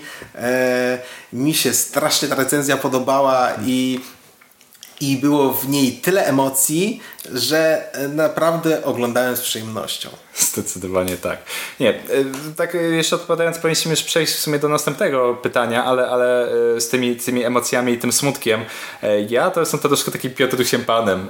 Zawsze ja żyję w zaczarowanym świecie. Ja uważam, że każda kolejna gra, którą będę grał, że będzie świetna. Ja mam takie nastawienie, że ona musi być dobra, bo ona mi się podoba graficznie, mechanika, instrukcja, wszystko działa tutaj i siadam i jest taki zawód po prostu I, i, i, i ja mam ogromny problem zawsze, żeby swoim widzom e, tak, tak e, oznajmić z jakimś radością czy wielką energią, że słuchajcie, spodziewałem się, że gra będzie fantastyczna, a okazała się przeciętna i to jest najgorsze, a szczególnie właśnie jak gra jest słaba, to jest jeszcze, jeszcze jestem w stanie tak fajnie emocjonalnie do tego podejść, powiedzieć to, to, to mi się nie podoba, niestety pas.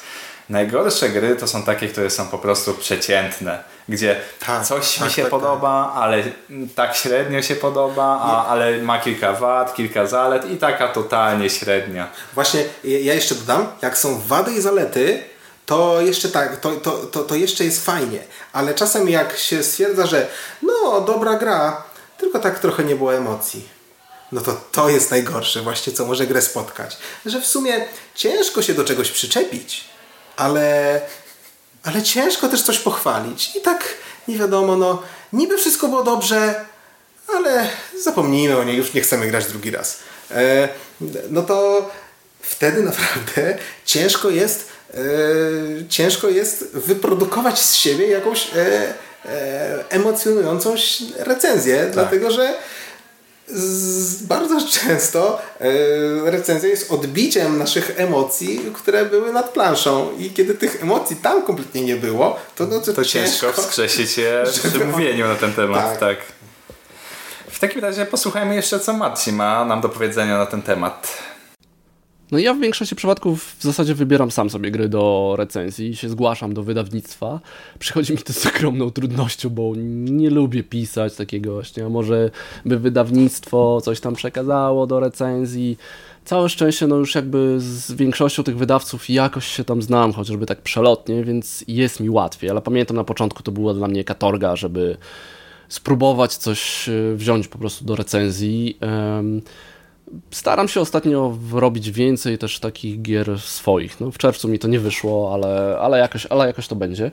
E, czasami wydawcy coś rzeczywiście się pytają, czy ktoś coś e, zrobi, mnie bardzo cieszy jakby, że ten pomysł mój na 3 minutówki wypalił. E, bałem się tego, że wydawcy będą mówić, kurczę, no nie będziemy dawać gry tylko po to, żeby jakiś koleś tam zrobił 3-4 minutowy filmik e, pokazujący trochę zasad i, i nic. No ale jakby udało mi się, byłem też pewny tego, że, że robię to całkiem nieźle, no i, i fajnie. Pamiętam taką reakcję jakby właśnie po mm, zrobieniu terraformacji Marsa dla Rebela, jak właśnie się tam mi Messenger zaczął odzywać, wow, ale to super zrobiłeś, tak, czy możemy to wrzucić na stronę, to daje super kopa, tak, a to akurat była trochę dłuższa recenzja, tam 4,5 minuty. E, więc nie, w zasadzie wydawcy się jakoś tam nie wtrącają. Czasami mają jakieś, jakieś dodatkowe pomysły, na przykład jak były te koszulki z Rebela, które robiłem, no to gdzieś tam, no to może tam coś zniszczysz, coś tam no, podchwyciłem jakby temat i po, pojechałem po, po eurobiznesie i, i po salsie, tak. E, jak ktoś nie widział, to zapraszam. No, więc, więc raczej, raczej sam sobie wybieram. Łukasz pyta nas, o co chodzi z tą regrywalnością? Dlaczego tak dużo ludzi ją punktuje jako wada albo zaleta gry? Również systemy Legacy. I może ja rozpocznę dyskusję, pewnie kontrowersyjną dla Bartka. Um, Ja myślę, że czym dłużej gram w gry planszowe, czym dłużej z nimi obcuję, tym mniej zwracam uwagę na regrywalność. Nie wiem, czy ma to związek z tym, że część gier, które lubię, bardzo lubię, tak jak Time Stories, Posiadłość Szaleństwa, e, Sherlock Holmes, są to gry, które mają ograniczoną tą regrywalność ze względu po prostu na swoją unikalność, na swój klimat, na opowiadaną historię i na rozwiązania, jakie były tam zastosowane. Drugim aspektem jest tego, że ostatnio na przykład miałem okazję grania sporo na PlayStation 4, które po prostu sobie kupiłem w końcu. I tak doszedłem do wniosku, że jeżeli przechodzimy grę, e, nie, niezależnie jaką, czy przygodową, czy akcji, przechodzimy ją jeden raz, rozgrywka trwa powiedzmy 15-16 godzin, bo to jest taka średnia obecnie, jeżeli chodzi o e, grę w single playerze, nie patrzę na regrywalność, ponieważ wiem, że to będzie pierwszy i ostatni raz prawdopodobnie, kiedy będę tę grę przechodził. I dlaczego jest tak, że przy okazji gier komputerowych na przykład recenzenci za bardzo nie zwracają uwagi na regrywalność, a bardziej tylko i wyłącznie na czas gry i na nic innego. A my jako gracze, tak jak mówi Łukasz, przyzwyczailiśmy się do tego, że e, każda gra kupiona musi starczyć nam na 150 godzin grania, ponieważ inaczej nie opłaca się jej kupować. Ja myślę, że mam na to odpowiedź. Owszem, jeśli, jeśli ktoś uważa, że gra powinna starczyć na 150 godzin grania, no bardzo dużo gier jest takich, które rzeczywiście na tyle starczą i dlatego gracze trochę są tacy rozpuszczeni i teraz oczekują tego od każdej gry. Eee recenzent, który gra cały czas nowe gry, cały czas w nowe, w nowe, w nowe i w każdą zagra po, e, nie wiem, 3, 5, 8, 10 razy, to, e, to regrywalność wtedy nie jest potrzebna, no bo tak, gramy dalej, następne, następne i, i, i, i prawda, to ma mniejsze znaczenie. E, ale warto też zwrócić uwagę na jedną rzecz, mianowicie taką, że gry Legacy czy typu Time Stories e, ok, nie są regrywalne, ale ile one proponują czasu e, spędzonego przy nich, tak? E, jeśli chodzi o Pandemic Legacy, to jest od 12 do 24 partii, czyli każda, każda po, po godzinę z kawałkiem. Czyli więc... około, około 20, 20 godzin około myślę, 20 godzin jest to rozrywki, tak? No to wiecie, tam już nie, nie powiem ile złotych, ale za 150, za, e, przepraszam, e, za no. 20 godzin. Super rozrywka, tak? Time Stories to jest jakieś no 2 do 5 godzin, w zależności jak tam nam mhm. poszło. E, no to może nie dużo, ale tutaj z kolei wchodzą dodatki i każdy nowy dodatek już nie kosztuje tyle co podstawka, tak. jest trochę tańszy i każdy nowy dodatek też oferuje nam 2 do 5 godzin. Więc to jest, to jest, to jest y, coś, co kupujemy i wiemy, ile czasu będziemy się bawić. Natomiast problem z grami nieregrywalnymi często polega na tym, że na przykład po pierwszej partii już y, wszystko ogarnęliśmy i w zasadzie druga jest prawie taka sama. Mhm. No to jeśli druga partia jest prawie taka sama, no to jest bardzo źle.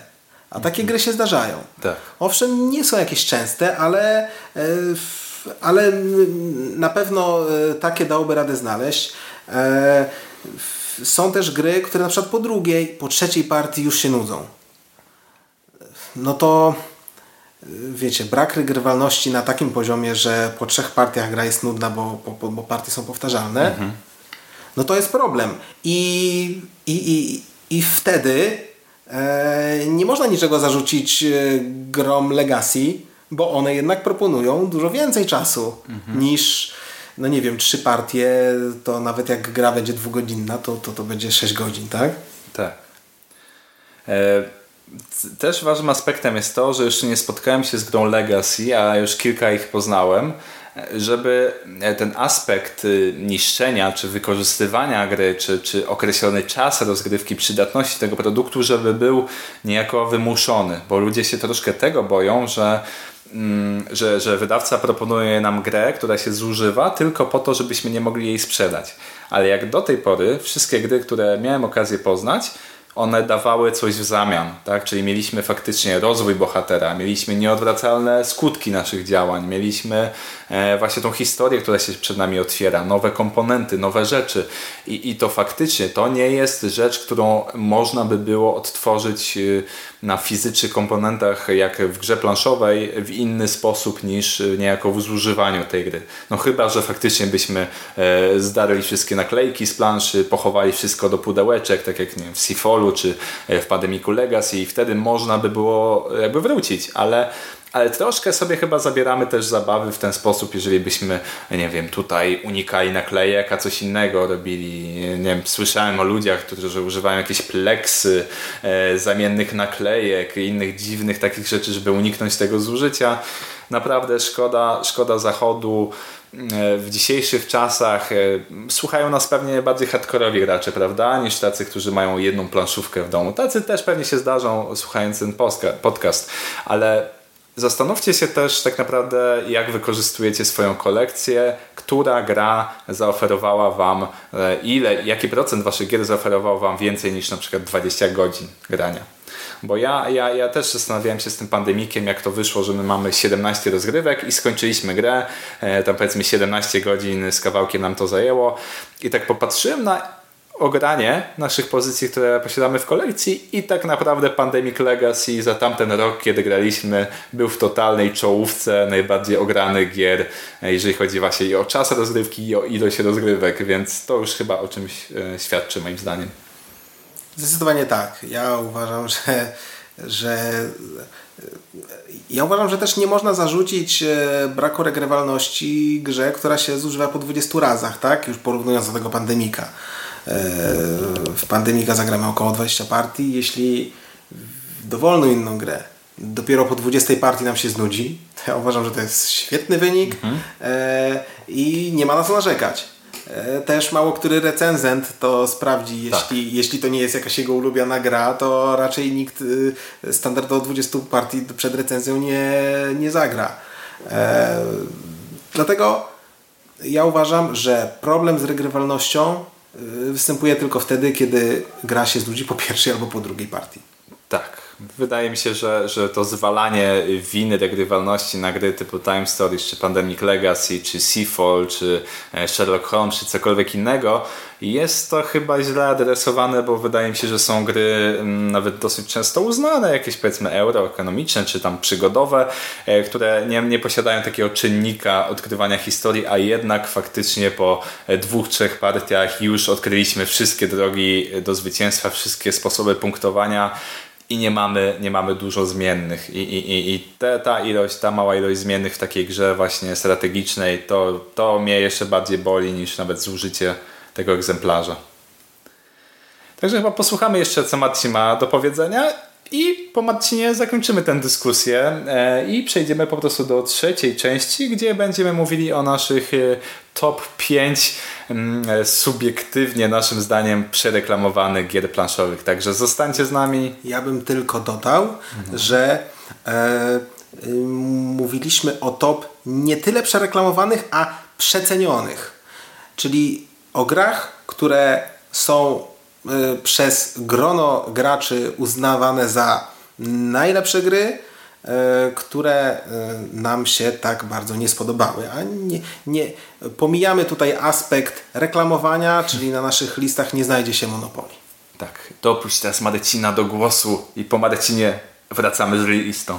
No regrywalność teoretycznie jest bardzo pożądaną cechą gry, bo to chodzi o to, żebyśmy za każdym razem jak usiądziemy do gry, to nie grali tą samą strategią, nie było to powtarzalne i taka nuda, tak, no okej, okay, no to teraz będę zbierał owieczki, w następnej grze będę zbierał owieczki i za trzy gry będę zbierał owieczki.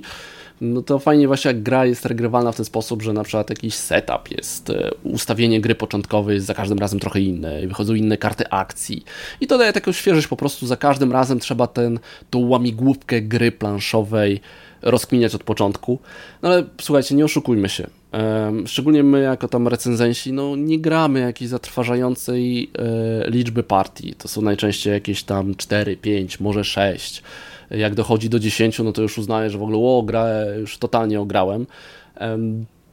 Więc, więc to też ciężko jest taką regrywalność gdzieś tam uchwycić. Chociaż, chociaż nie, może tak, jak, jak gra jest słabo regrywalna, to te 3-4 partie zazwyczaj wystarczy, żeby zobaczyć, że nic nowego się nie dzieje, jest ciągle to samo. E, a jeżeli chodzi o Legacy, no to słuchajcie, no w Pandemika Legacy zagraliśmy 17 partii w 3 miesiące. Jak dla mnie, to wartość za tą grę była bardzo dobra do ceny i liczby partii. Rzadko moje gry sięgają tylko tych kilkunastu partii, jeszcze szczególnie w tak krótkim czasie. No, oczywiście są, na przykład Fruity Ages, Cywilizacja poprzez wieki, mam chyba z 60 partii. No ale na przykład Race for the Galaxy wcale tak dużo nie mam, bo takich y, przy stole to mam partii może ze 100, 110. To nie jest tak dużo, więcej grałem na komputerze. No, yy, więc to jest ważna rzecz, ale myślę, że ludzie przeceniają to, yy, szczególnie tacy hardkorowi planszówkowcy, którzy tam kupują non-stop jakieś nowości, yy, to przeceniają to, że gra musi być regrywalna za każdym razem inna, bo za 3-4 partie oni i tak sięgną po nowy tytuł, a tacy zieloni zjadacze chleba, to oni tego nie zauważą, oni będą w to grać, w to Ticket to Ride 200 razy i będą się super bawić. Więc ja myślę, że to jest trochę przeceniana gra, a w ogóle z gry Legacy i te takie zużywalne, dla mnie to jest rewelacja, bo za każdym razem jest coś innego, są inne scenariusze i mam w zasadzie w pudełku mam kilka gier. Jak mogę zagrać, nawet niech to będą 3-4 partie, tak jak w Time Stories, spoko, sprzedam i kupię sobie następny dodatek. A ta, unlock, to samo. Więc ja jestem totalnie za. Takimi zużywalnymi, tak, a, a regrywalnością się jakoś tak bardzo nie przejmuję.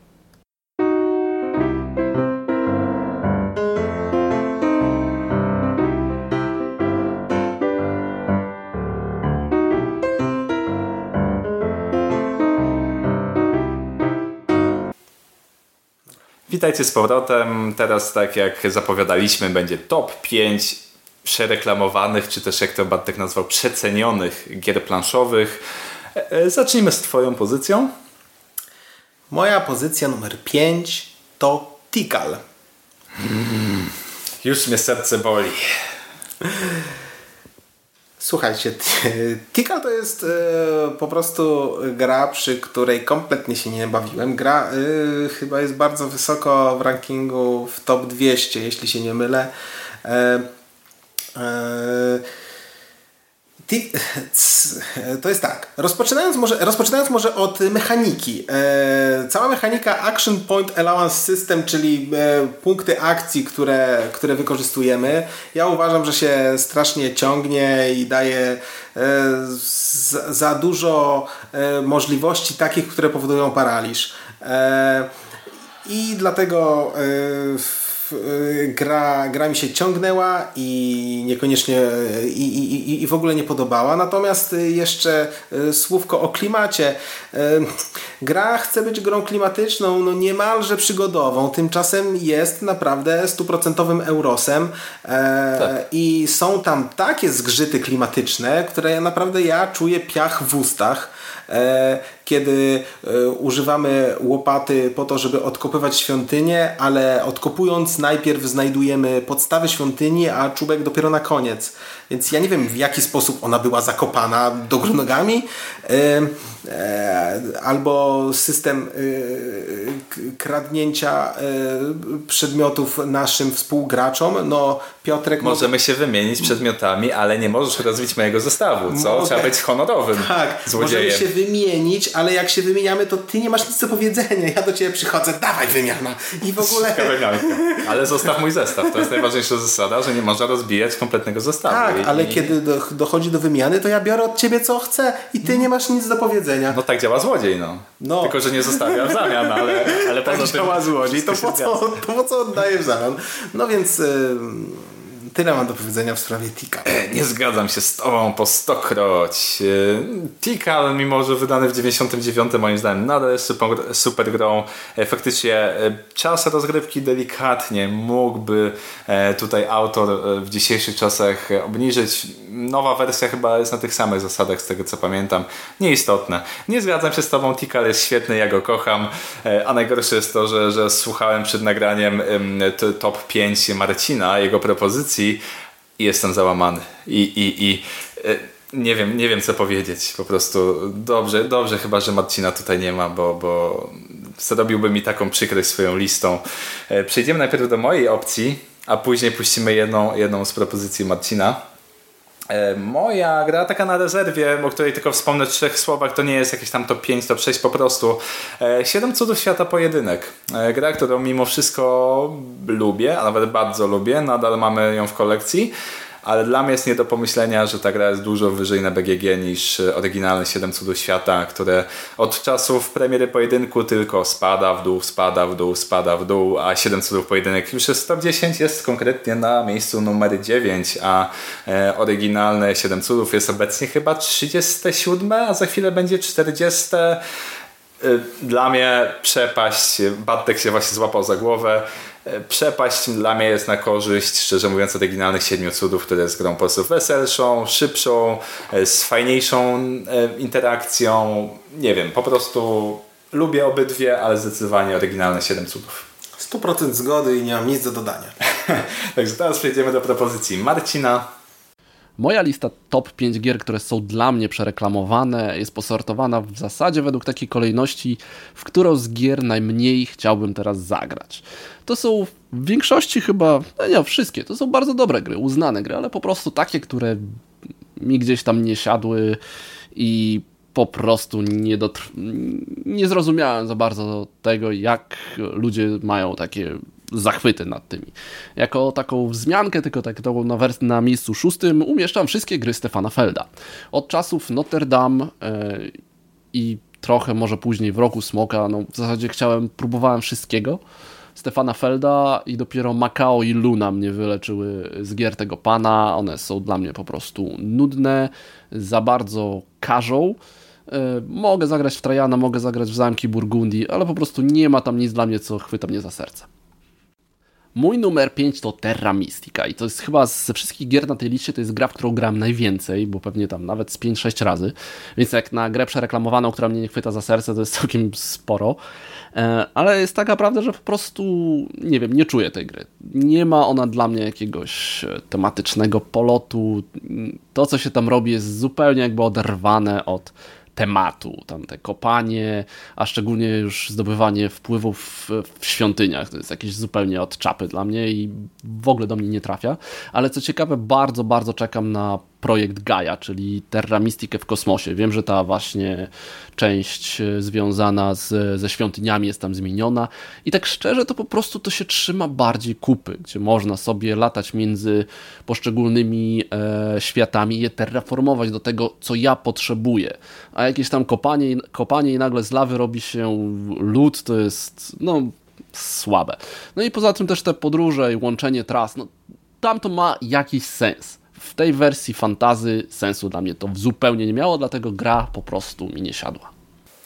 I Bartku wracamy teraz do Twojej e, pro propozycji numer 4, a w zasadzie jeszcze moja piątka, bo 7 cudów to, to faktycznie była rezerwa. Także w trzech słowach wspomnę, wspomnę o takiej grze jak Trickerion.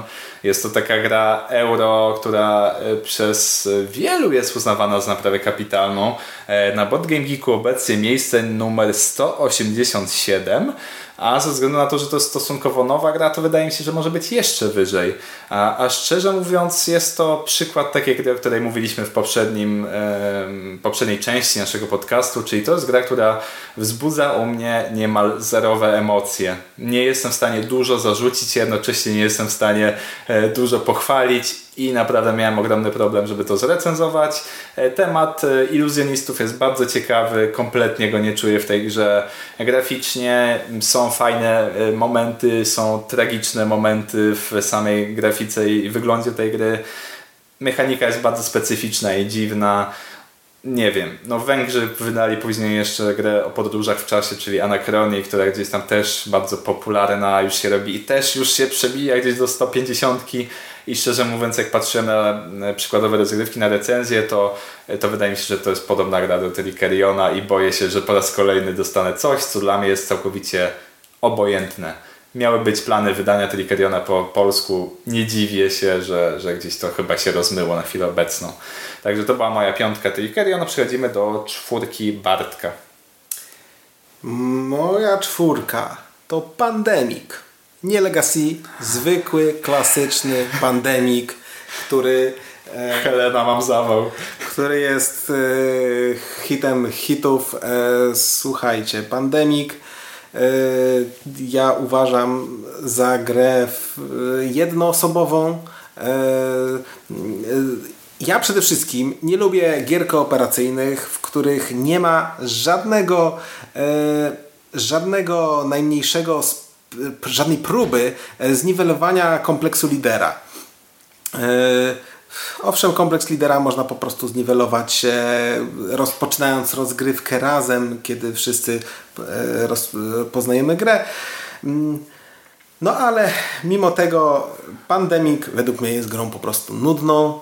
E, nic tam się według mnie ciekawego nie dzieje. E, nie czułem żadnych emocji, nie czułem klimatu. Dziękuję. Do widzenia.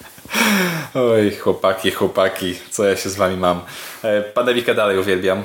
E, zagraliśmy w Legacy całą kampanię. Bałem się, że tak jak niektórzy recenzenci wspominali, że, że po zagraniu w Legacy już nie mają po co wracać do oryginału, bo tam jest to samo, tylko że dużo więcej i bałem się tego, że po prostu gra gdzieś tam w naszej kolekcji zginie. Przerwę może Ci tylko na moment. E, w Pandemic Legacy zagrałem na razie tylko 3 miesiące, więc e, może jeszcze poczekam z opinią, bo podobno najlepsze przede mną.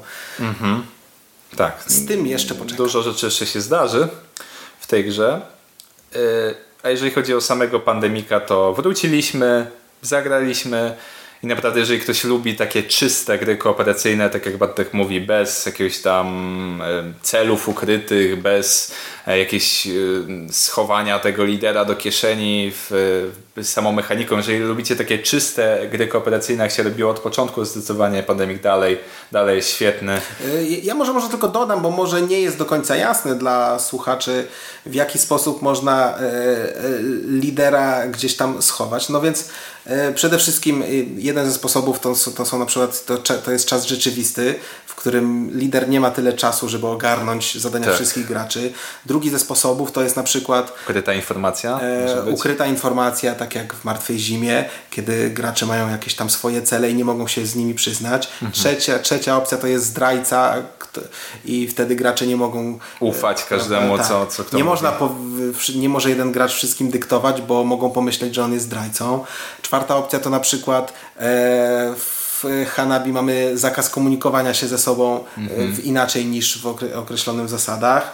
E, no i na pewno jeszcze nie wymieniłem wszystkich. Encyklopedia Bartek. Tak, dlatego ja tu chciałbym tak wskazać, prawda, i, i tak zachęcić. Projektanci. Zachęcić, zachęcić naprawdę e, do tego, żeby jeśli tworzymy jakąś grę kooperacyjną, to fajnie by było jednak coś stworzyć takiego, żeby to się jakoś wyróżniło. Takich gier czystych e, koopów, no to jest już sporo. Mhm. E, e, pandemik tutaj jest bezkonkurencyjny. Popularnością jeśli, zdecydowanie. Tak, tak. Jeśli chodzi o popularność. E, ja mam tylko ten problem, że właśnie nigdy u nas y, z kimkolwiek grałem, nigdy nie mieliśmy problemu z tym aspektem lidera. Zawsze u nas to było tak, że każdy daje jakieś propozycje i staramy się razem decydować, a kto jakby danym pionkiem, że tak powiem, steruje, ten podejmuje ostateczną decyzję i mieliśmy nawet przypadki, że, e, że, że, że, że ludzie przy stole twierdzili, że jest inna opcja, ktoś mówił, że, że uważa, że tak i grał po swojemu. To pewnie jest zależne od jakiejś tam powiedzmy charakteru, może osób przy stole, przyzwyczajeń. Nie, nie wiem od czego to zależy, ale, ale z tym jakby w żadnej grze nigdy, nigdy nie mieliśmy tak, problemu. Ja, ja, ja, też mam taki problem, że e, owszem, jeśli wszyscy gracie po raz pierwszy, a później kontynuujecie dalej w tym samym gronie e, granie mhm. w dane, daną grę kooperacyjną, to będzie wszystko w porządku i nie będzie prawda, żadnego problemu z liderem, ale e, jeśli gramy w, z kimś bardziej doświadczonym i na przykład wyobrażę sobie sytuację, że kiedy ja nie jestem tym graczem doświadczonym i jest ze mną jakaś osoba, y, która, y, która zna grę no, z x razy lepiej ode mnie, mhm. no to jeśli ja chcę grać o zwycięstwo, a ja, ja jestem bardzo, y, bardzo zawsze w każdej grze dążę do zwycięstwa to ja naprawdę powinienem przy każdym ruchu pytać tej, hmm. tego gracza, który, który jest ode mnie lepszy, mówię, no to co mi powiesz, co, co powinienem teraz zrobić? I tak naprawdę, y, jeśli ja chcę wygrać, to moją optymalizacją dążenia do zwycięstwa będzie stworzenie lidera z tego gracza, który może nawet jest kulturalny i liderem nie chce być. No i teraz ja mam problem jako gracz, nawet jako nie lider, tak? No bo jako lider to wiadomo, powinienem, jeśli ja znam grę lepiej, powinienem wszystkim narzucić swoją wolę, jeśli uważam, że to jest najlepsza droga do zwycięstwa. No, a jako ten gracz mniej doświadczony, powinienem stworzyć lidera z tego, kto jest bardziej doświadczony. No. To ja, by, ja, ja nie, wiem, nie wiem w ogóle o, o, co, o co chodzi z tym problemem, ale tak czy inaczej przejdziemy do mojej czwórki może? Tylko, że teraz e, obawiam się, że jak powiem, e, jaka gra znalazła się na moim e, czwartym miejscu, wiele osób przestanie nas subskrybować i słuchać. Także przygotujcie się na to, bo to jest gra, która naprawdę podoba się praktycznie każdemu. Patchwork. Jest oj, to. Oj, oj, oj, tak, tak, to wiem, wiem. Teraz właśnie e, słyszę te wyłączane podcasty. Jest to bardzo lekka gra dwuosobowa i, i tu jakby słowo lekka wydaje mi się, że jest chyba kluczem ja z Patchworkiem mam ten problem, że jest to gra w porządku, ale nigdy nie czułem y, jakiegoś takiego zainteresowania w szyciu swojej kołderki. I nie chodzi nawet, że tematycznie, tylko nigdy nie czułem jakiegokolwiek ciśnienia, że dany ruch był cwany, był dobrze przemyślany, był świetny. Ja zawsze czułem, że układałem te swoje klocki i no, coś dostałem, tu mam punkt, tu mam punkt, tu mam punkt. I tego ciśnienia mi brakuje. Lubię jak gra w jakiś sposób mnie ciśnie, jak te decyzje są takie, że aż mnie boli w środku, a może przez to, że, że to jest gra nieco nastawiona chyba na graczy rodzinnych, może tego, te, tego, tego pazura właśnie mi tutaj brakuje. E, także e, Patchwork, mój numer 4. No dobra, to ja muszę się wtrącić, jak bardzo się nie zgadzam. E, nie powiedziałbym, że to jest gra nastawiona na graczy rodzinnych. E, na E, na BGG, słuchajcie, rankingi są nie tylko jest ranking generalny, ale są też rankingi w poszczególnych kategoriach. No i tak możecie sobie zobaczyć ranking gier logicznych. Tak. Dopóki nie była patchworka, to całe podium, pierwsze trzy gry to były gry z serii GIF. E, dlatego też no, szacunek dla autora. To jest jeden autor tych wszystkich gier. E, kiedy się pojawił Patchwork, wbił się w ten ranking i zajął pierwsze miejsce. Nie wiem, czy jest na tym miejscu do dzisiaj. Dodam, że Patchwork na BGG to jest 44 najlepsza gra na tak, świecie. w generalnym rankingu. Generalnym. A w logicznym yy, chyba drugie, pierwszy... drugie, trzecie moje miejsce może mieć, ale tylko ze względu chyba na Santorini, które tam pozamiat... A może nie. Nie, Santorini jest troszkę niżej. Nieistotne, no ale jest w każdym w czubie, razie, no. W każdym razie e, ja naprawdę w patchworku e, czuję takie emocje jak e, w pozostałych grach logicznych, które też uwielbiam. E, I e, naprawdę y, szacuję y, kilka ruchów do przodu. Zastanawiam się, czy pójść moim, tym moim pionkiem 1, 2, 3 pola i rozpatruję wszystkie możliwości, które otworzę przeciwnikowi. Jak się ruszę o jedno, to on będzie miał prawda, takie mm -hmm. możliwości. Jak się ruszę o trzy, to takie. E, Mm, staram się, staram się zaplanować te ruchy tak, żeby tym pionkiem na tej planszy, na której się tam chodzi w kółko mm -hmm. do środka, żeby trafić na te e, pojedyncze bonusy. E, naprawdę uważam grę za genialną. Co prawda, może tam e, nie, może nie postawiłbym jej wyżej niż gier z serii GIF, ale uważam, że zasługuje na swoją pozycję i absolutnie nie jest przeceniona. Przechodzimy do Marcina. Miejsce czwarte to Suburbia Teda Alspacha i to jest tak w zasadzie no bardzo długo próbowałem się przekonać do city buildingów różnego rodzaju, od Quadropolis po właśnie Suburbie, no i po prostu to nie jest typ gier dla mnie. Co ciekawe, Zamki Szalonego y, Króla Ludwika bardzo lubię, chociaż pierwsze dwie, trzy partie też były takie, że musiałem się gdzieś tam przez nie przecisnąć, ale ponieważ moi współgracze stali, czy moja żona i przyjaciel Paweł e, bardzo polubili tę grę, więc grałem. No i teraz też ją bardzo lubię, ale Suburbia le. A poza tym jest brzydka. Po, powiedzmy to szczerze, jest po prostu brzydka. No dobra. Gra numer 3 z mojej strony to będzie Agricola. Agricola. E, nie. Agricola, słuchajcie, ma wielu zwolenników, jest bardzo wysoko w rankingu, kiedyś była na miejscu pierwszym. E, natomiast ma też bardzo dużo przeciwników. Mhm. E, to jest... E, to jest Haters gonna hate. To jest gra, która wzbudza bardzo duże emocje, jeśli chodzi co do oceny. Ja myślę, że nie wiem, czy wzbudza równie duże emocje, jeśli chodzi o samą rozgrywkę. Na pewno nie u mnie. No, yy, niektórzy mówią, że to jest Euros, Euros i co tam yy, się będziemy zastanawiać nad klimatem. Ja uważam, że jednak ten klimat jest bardzo odczuwalny i dlatego mhm. czuję się, jakbym pracował na roli. E, a, a, a już najgorszą rzeczą to jest żywienie swoich ludzi. No, przez całą grę trzeba cały czas pracować na to, żeby ci ludzie mieli jedzenie. A gdzieś tam przy okazji może jest gra. Więc, więc y, ta praca, którą po prostu ja muszę w tej grze włożyć, żeby ci ludzie mieli co jeść. I dopiero gdzieś tam przy okazji może yy, może coś tam, wiecie, no, wypracuje coś innego niż te, te, te, ten, tą żywność. Yy, no naprawdę mnie to nie bawi i naprawdę czuję się zmęczony po tej rozgrywce. Bartku, trzeba budować silnik do żywienia i wtedy sami się żywią i wtedy już tylko tłuczesz punkty, zagrywasz karty i wtedy jest wesoło, fajnie, wtedy już nie ma pracy. Tak, i tak nie możesz za bardzo się rozwinąć w jakiejś dziedzinie, bo idziesz ze wszystkimi do przodu.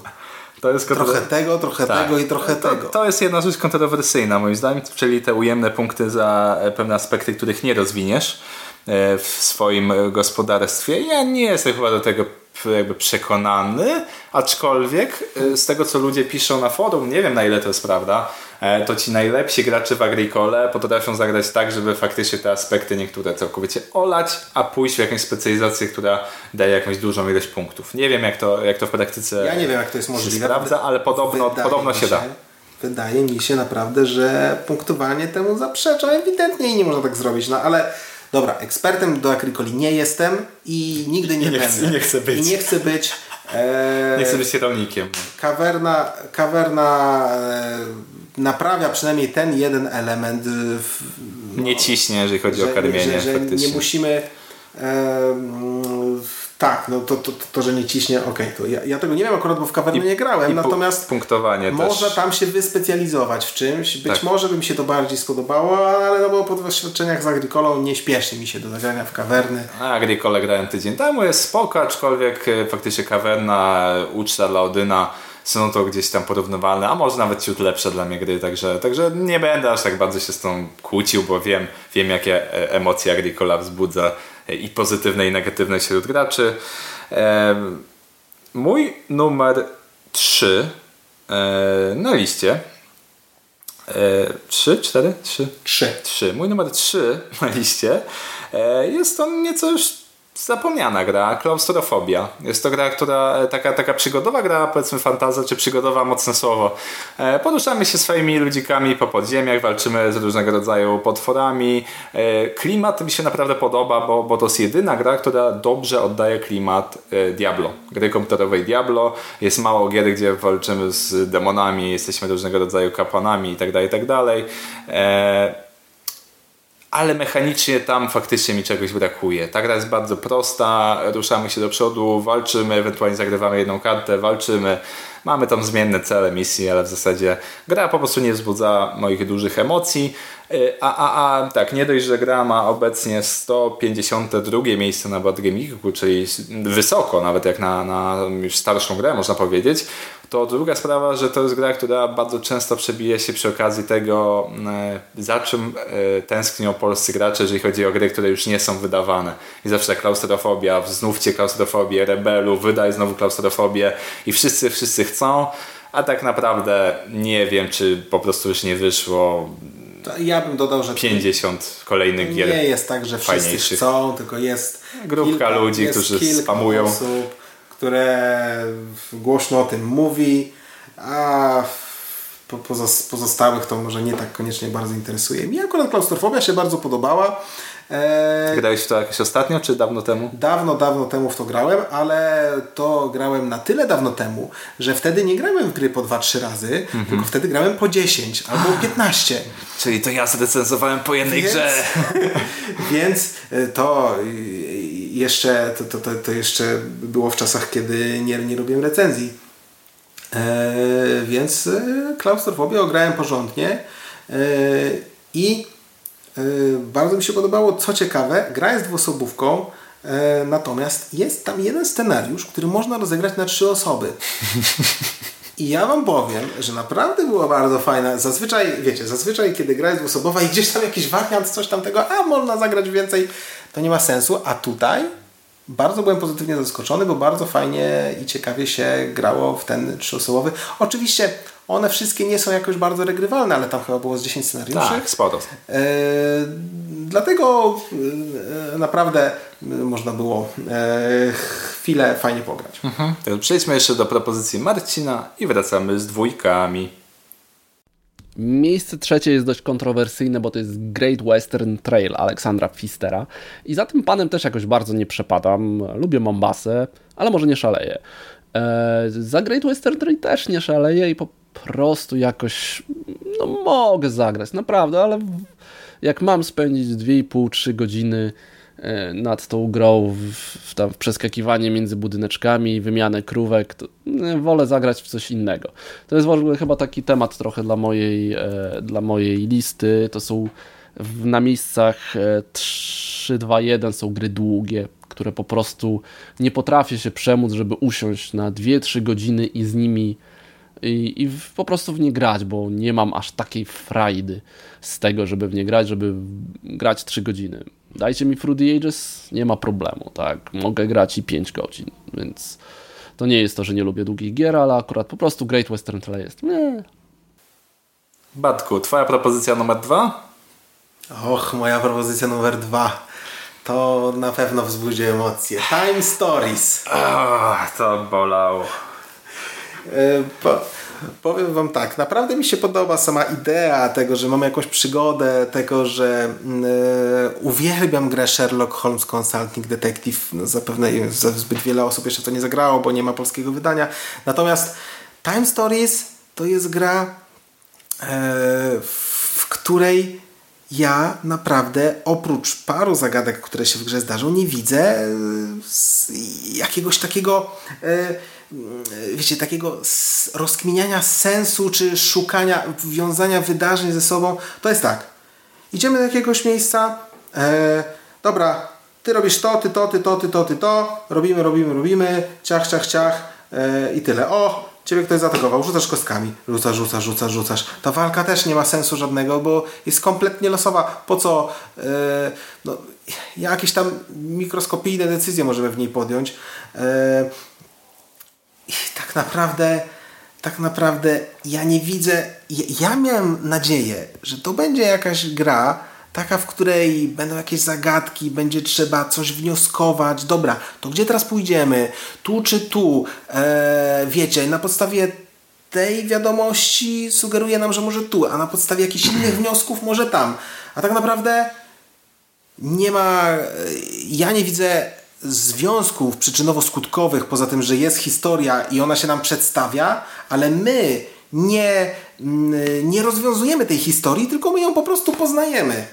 Hmm. Po prostu idziemy, idziemy za fabułą, e, żmudnie wykonując wszystkie czynności, które które e, gra nam oferuje po drodze, a to, że musimy to zrobić dwa albo trzy razy w trakcie rozgrywki, to, to już jest masakra kompletna, bo jeszcze za pierwszym razem to jest całkiem ciekawie, no już dobra, no porzucam trochę tymi kostkami w walce, ale jak mam zrobić to po raz drugi, to już naprawdę yy, wiecie, ja zagrałem trzy scenariusze, bo podobno trzeci jest najlepszy, takie opinie słyszałem yy, i zagram też kolejne, ale w kolejnych już z home rulem. Nie będę już powtarzał. Jak mi się skończy czas, e, nie będę mhm. wcale e, grał od nowa, tylko e, uznam, że tego czasu mi nie brakuje i będę grał dalej.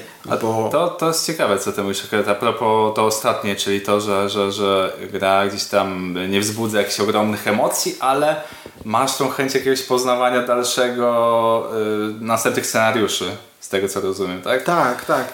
I, to, i ja któryś raz już się z tym spotykam, że faktycznie recenzje były bardzo mieszane Time Stories, szczególnie w Polsce, to, to, to jakby ja zauważyłem. Ja oczywiście grę uwielbiam, jakby z tym się w ogóle nie kryję, także z obiektywizmu to wiadomo, że u mnie nie znajdziecie. Ale kwestia jest tego, że e, wszyscy jakoś chcą do tego wracać. Wszyscy, wszyscy chcą w to zagrać. Wszyscy chcą zobaczyć następne scenariusze, w jaki sposób przeżyć tą historię, zobaczyć o co tam chodzi, zobaczyć czy będą jakieś zagadki, czy nie będzie zagadek. E, e, I a propos tej liniowości, no to tutaj jakby zależy tak naprawdę od scenariusza. Nie będę, nie będę oszukiwał, że faktycznie niektóre scenariusze są liniowe, niektóre nie są, ale część naprawdę daje taką fajną mini, powiedzmy, dedukcję na podstawie tego, co usłyszymy od kogoś, co nam ktoś powie, gdzie mamy iść, co, jak mamy zadziałać. To ma często dużo znaczenie, jeżeli chodzi o to, jak szybko przejdziemy scenariusz, bo ktoś nam podpowiada, słuchajcie, idziecie tutaj, tutaj słyszałem szmery i tak dalej, i tak dalej. Także nie będę mówił o fabule, ale, ale wiadomo o co chodzi. Także jest jakiś tam aspekt, powiedzmy, dedukcyjny, ale rozumiem jakby te zarzuty, jeżeli ktoś szuka w tym takiej głębszej, powiedzmy, gry, która daje decyzje czysto strategiczne, to powiedział, czy dedukcyjne.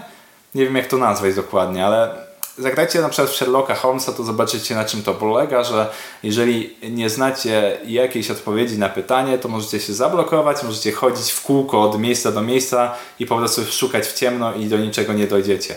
Time Story z kolei jest to taka nieco bardziej zamknięta historia, która mimo wszystko zazwyczaj, zazwyczaj, bo są miejsca, gdzie można się zaciąć, ale zazwyczaj popchnie was delikatnie do przodu i stawia tą y, ja, historię. Ja, ja nie widzę możliwości na nacięcie się. Mi się wydaje, że jak y, Ostatnia zagadka w ten. W, y, y, no, może już tam bez szczegółów, no. żeby tutaj jakiś spoiler się nie wydał. No.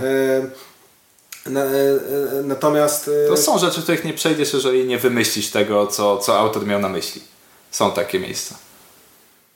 Chyba, że. Dobra, nieistotne. No chyba, że jakoś tam system pokonaliście w inny sposób, ale, ale, ale teoretycznie nie powinno się dać. Przejdziemy teraz, pozwól, do Marcina, do jego, do jego propozycji i za chwilę wracamy z kolejnymi. No i miejsce drugie, tutaj pewnie się na mnie posypią gromy, bo to jest Blood Rage Erika Langa. E, sama gra jest ok naprawdę niezła ra kontroler. Wydaje mi się, że akurat El Grande robi to bardziej elegancko i przyjemniej. Ale tutaj jaki mam największy problem, to, są, to jest wykonanie tej gry. Piękne figurki, e, które po prostu tam stawiamy na tej planszy, a całą grę gapimy się w karty, na których są numerki i jakaś tam grafika. E, stawiamy wielkiego potwora, który przychodzi i coś tam robi, a potem przez całą grę on jest warty jeden tam punkt siły, jak dobrze pamiętam, jeżeli nie, no to mnie poprawcie. E, a cała pozostała reszta gry oprócz tych figurek jest po prostu wykonana dobrze, no i nie widzę tego po prostu. Pewnie jakbym zagrał tam, nie wiem, 10 razy, to by było ok. Zagrałem raz u Piotrka, bawiłem się dobrze, ale znowu nie będę miał takiego poczucia, o, siadamy do Blood Rage'a i tam 2-3 godziny spędzę i będę się super bawił. Tak, będę się super bawił, patrząc na karty i się zastanawiając, ile to jest tam 2 dodać 3, a jak tutaj pójdę, to czy wygram, czy przegram. No. Eh. no. Moja y, dwójka jest to gra Next vs Minions Gra, która naprawdę mi się podobała, pozytywnie ją zrecenzowałem. Wygląda pięknie, jest super tania, jeżeli chodzi o wykonanie. Znaczy, nie super tania, ale stosunek ceny do jakości jest wręcz kapitalny, może nawet najlepszy do tej pory jak w grach planszowych takich licencjonowanych. Tylko tam aspekt jest tego, że faktycznie przechodzimy te scenariusze. Y, jest to gra kooperacyjna, więc teoretycznie powinna mi się bardzo podobać. Mamy programowanie, które bardzo lubię. Mamy jakieś tam elementy czasu rzeczywistego, więc te, te wszystkie rzeczy pojedynczo ja naprawdę uwielbiam. E, I niejako spodziewałem się, że jak połączymy to wszystko ze sobą, to dostanę grę, która e, jakby będzie w moim sercu. E, a, a dostaliśmy po prostu grę, która e, gdzieś tam nam się podobała. Mogliśmy raz na jakiś czas zagrać, ale tak naprawdę bez jakichś wielkich emocji, bez odkrywania kolejnych scenariuszy. One wprowadzały jakieś tam innowacje, nowe karty, ale nigdy nie poczułem tego, że, że ta gra jakoś tak mocno się rozwija, że teraz to w ogóle jest super, a, a w tym scenariuszu się działo to. Mi się to tak wszystko zlało ze sobą tak naprawdę, że ja bym nie był w stanie Ci powiedzieć teraz, że to był pierwszy scenariusz, to był drugi, to trzeci. Nie mam pojęcia, który to był który. Gra jest bardzo elegancka, pięknie zrobiona, napisana instrukcja, wszystko tam działa ale po prostu czegoś brakuje. Dla mnie miejsce numer 21 na Board Geeku z ogromnymi szansami moim zdaniem na, na wyższe miejsce, może nawet na dziesiątkę w przyszłości, no to to jest dla mnie zdecydowanie przesada i to taka gruba przesada. I tutaj Marcin, y, y, teraz Marcina by zabolało serce w, w ramach rewanżu tylko i wyłącznie podałem te mechy. Także możemy przejść chyba do jedyneczki twojej. Dobra. Mój numer jeden to gra całkiem długo z numeru jeden na BGG. I jest to Zimna Wojna. Czy też Jesień Narodów. Tutaj już y, wszystko mi jedno. To miałbym w rezerwie, jeżeli miałbym powiedzmy te 7-8 miejsc. Powiem wam tak. No to nie jest w ogóle gra z kategorii, które, yy, które ja najbardziej lubię, tak? Więc yy, może już na samym początku yy, nie, nie miałem wielkich oczekiwań co do tych, tych, tych gier. Zagrałem jedną i drugą, tak wiecie, raczej bardziej z ciekawości.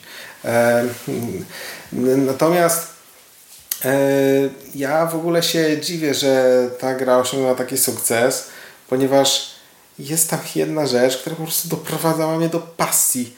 E, a, a jest to rzut kostką, e, który jest... Determinuje, czy jest sukces, czy nie. Determinuje sukces lub porażkę tam w, w przejmowaniu różnych e, miejsc na mapie. Wiecie, tak. ja już tak nie operuję konkretami, bo już po prostu słabo pamiętam, bo dawno temu w to grałem, ale, ale byłem tak wściekły po prostu na tą kostkę, na to, że gra trwa 2 do 3 godzin mhm. i e, a tak naprawdę bardzo dużo tam zależy od tego rzucania.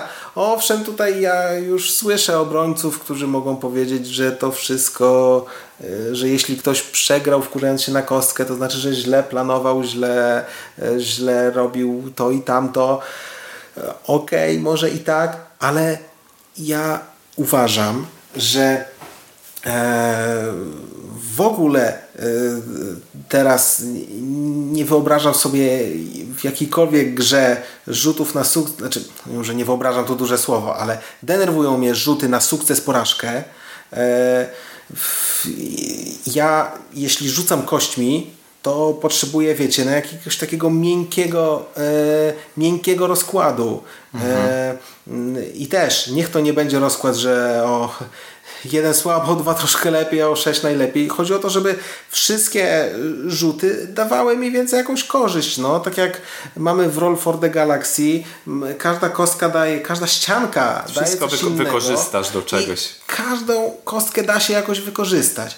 I tak powinny być projektowane gry kościane. Kości do tego powinny służyć, żeby każda ścianka coś dawały, dawała.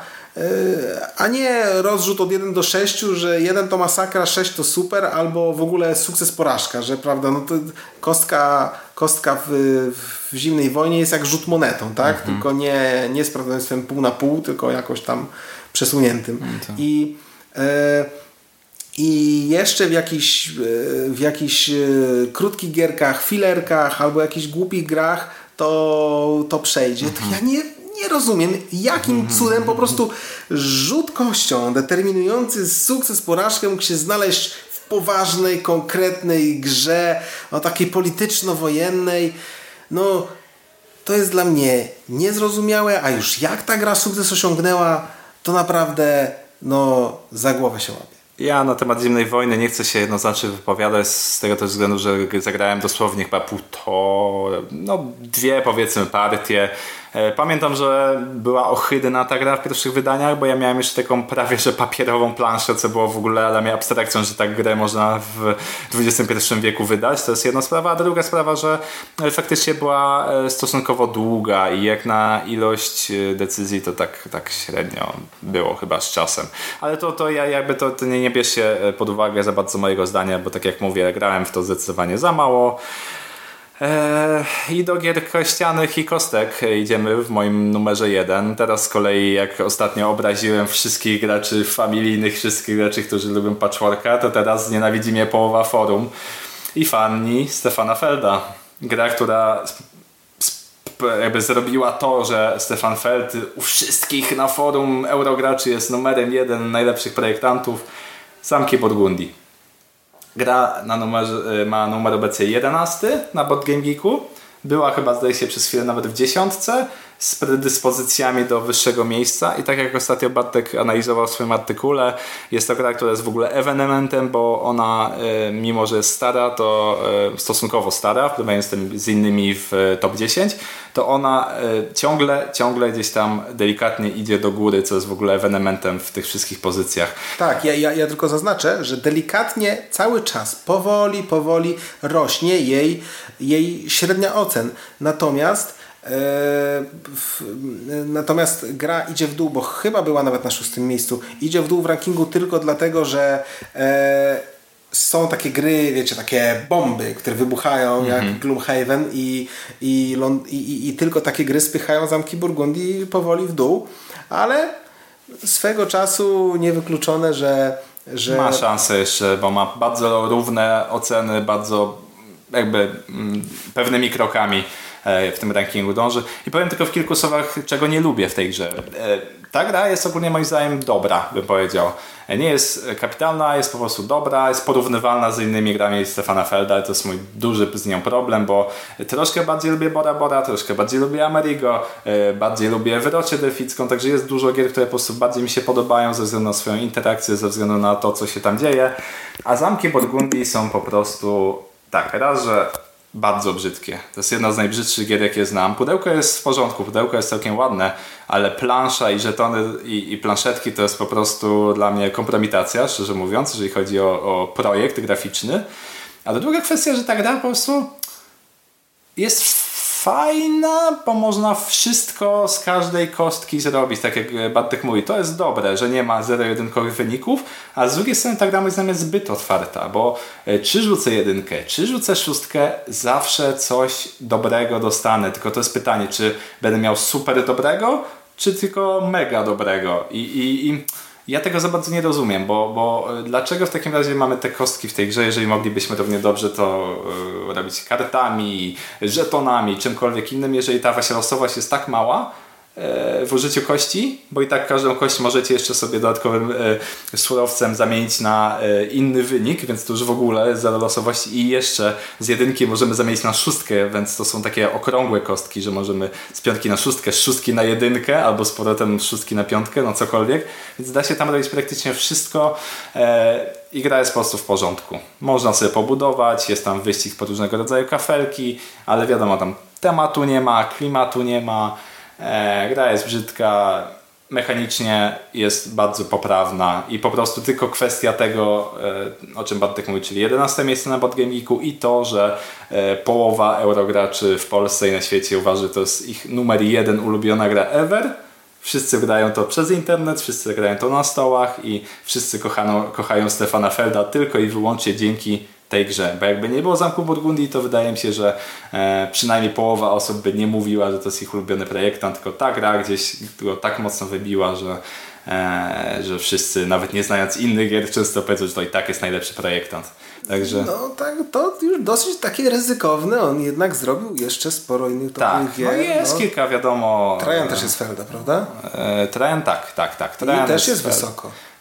Jest chyba w 50 gdzieś około.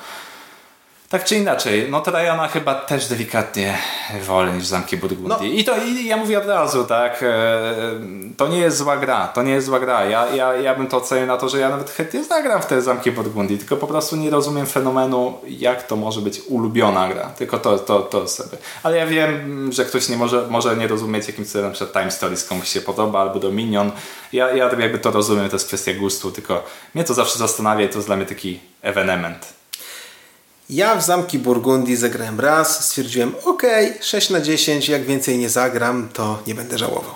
No, ja może 6,5 w porywach do 7, ale nadal, nadal na pewno, na pewno nie, nie, nie top wszechświata. Także przejdziemy jeszcze do propozycji Marcina. No i ostatnie miejsce pierwsze to jest gra, którą też pożyczyłem od Piotrka i pewnie już wie co to jest była zahajpowana strasznie. Wszyscy mówili, że to jest po prostu Gwiezdne Wojny wyciśnięte do pudełka, że to jest taka rewelacja. A w Star Wars Rebelii po prostu przesuwamy pioneczki i wykorzystujemy karty i, i tyle, tak? Trochę jest tam jakiejś walki, może ja za słabo znam e, jakby tematykę Gwiezdnych Wojen. No, coś tam znam, ale raczej kanoniczne filmy żadnych tam książek i może trochę komiksów kiedyś. E, I po prostu nie kręci mnie to. A poza tym gra jest bardzo długa, tylko dwuosobowa. Nie miałem frajdy jakiejś wielkiej. To jest takie 5 na 10 dla mnie w skali BGG. Po prostu jakby pewnie Piotrek albo Bartek powiedzieli chodź, siadamy, gramy to bym powiedział, ok, no dobra, dam drugą szansę, ale tak, żebym ja zaproponował i powiedział, u, gramy, bo chcę sprawdzić jeszcze raz, to nie. Nie, to Star Wars Rebelia jest dla mnie najbardziej przehypowaną grą, taką, no, przehypowaną, taka, która do mnie po prostu nie trafiła, a w zasadzie bardzo blisko jest z Blood Rage'em. No, i to tyle, jeżeli chodzi o moje święte krowy. I jak Marcin e, wygłosił swoje e, nie najlepsze tytuły moim zdaniem, jeżeli chodzi o dopasowanie do tematu naszej listy, ponieważ zjechał Blood Rage'a, zjechał Rebelię, e, nie wiem co tam jeszcze zjechał, ale dużo rzeczy, które po prostu ja kocham pojawiło się na tej liście. To ja może tak słówko o tym Blood Rage'u, skoro już wspomniałeś. naprawdę, słuchajcie, ja grałem w jego pierwszą e, odsłonę, czyli w Midgard. Zagrałem raz, stwierdziłem, dobra, na razie, do widzenia, dziękuję. E, nie ma w ogóle o, o, o, w ogóle o czym ten. Teraz e, żałuję naprawdę, że nie zachowałem tej gry, bo nawet bym ją wyciągnął, żeby sobie przypomnieć, bo już tak nie bardzo pamiętam o co w niej chodziło. w Blood Rage'a też zagrałem raz.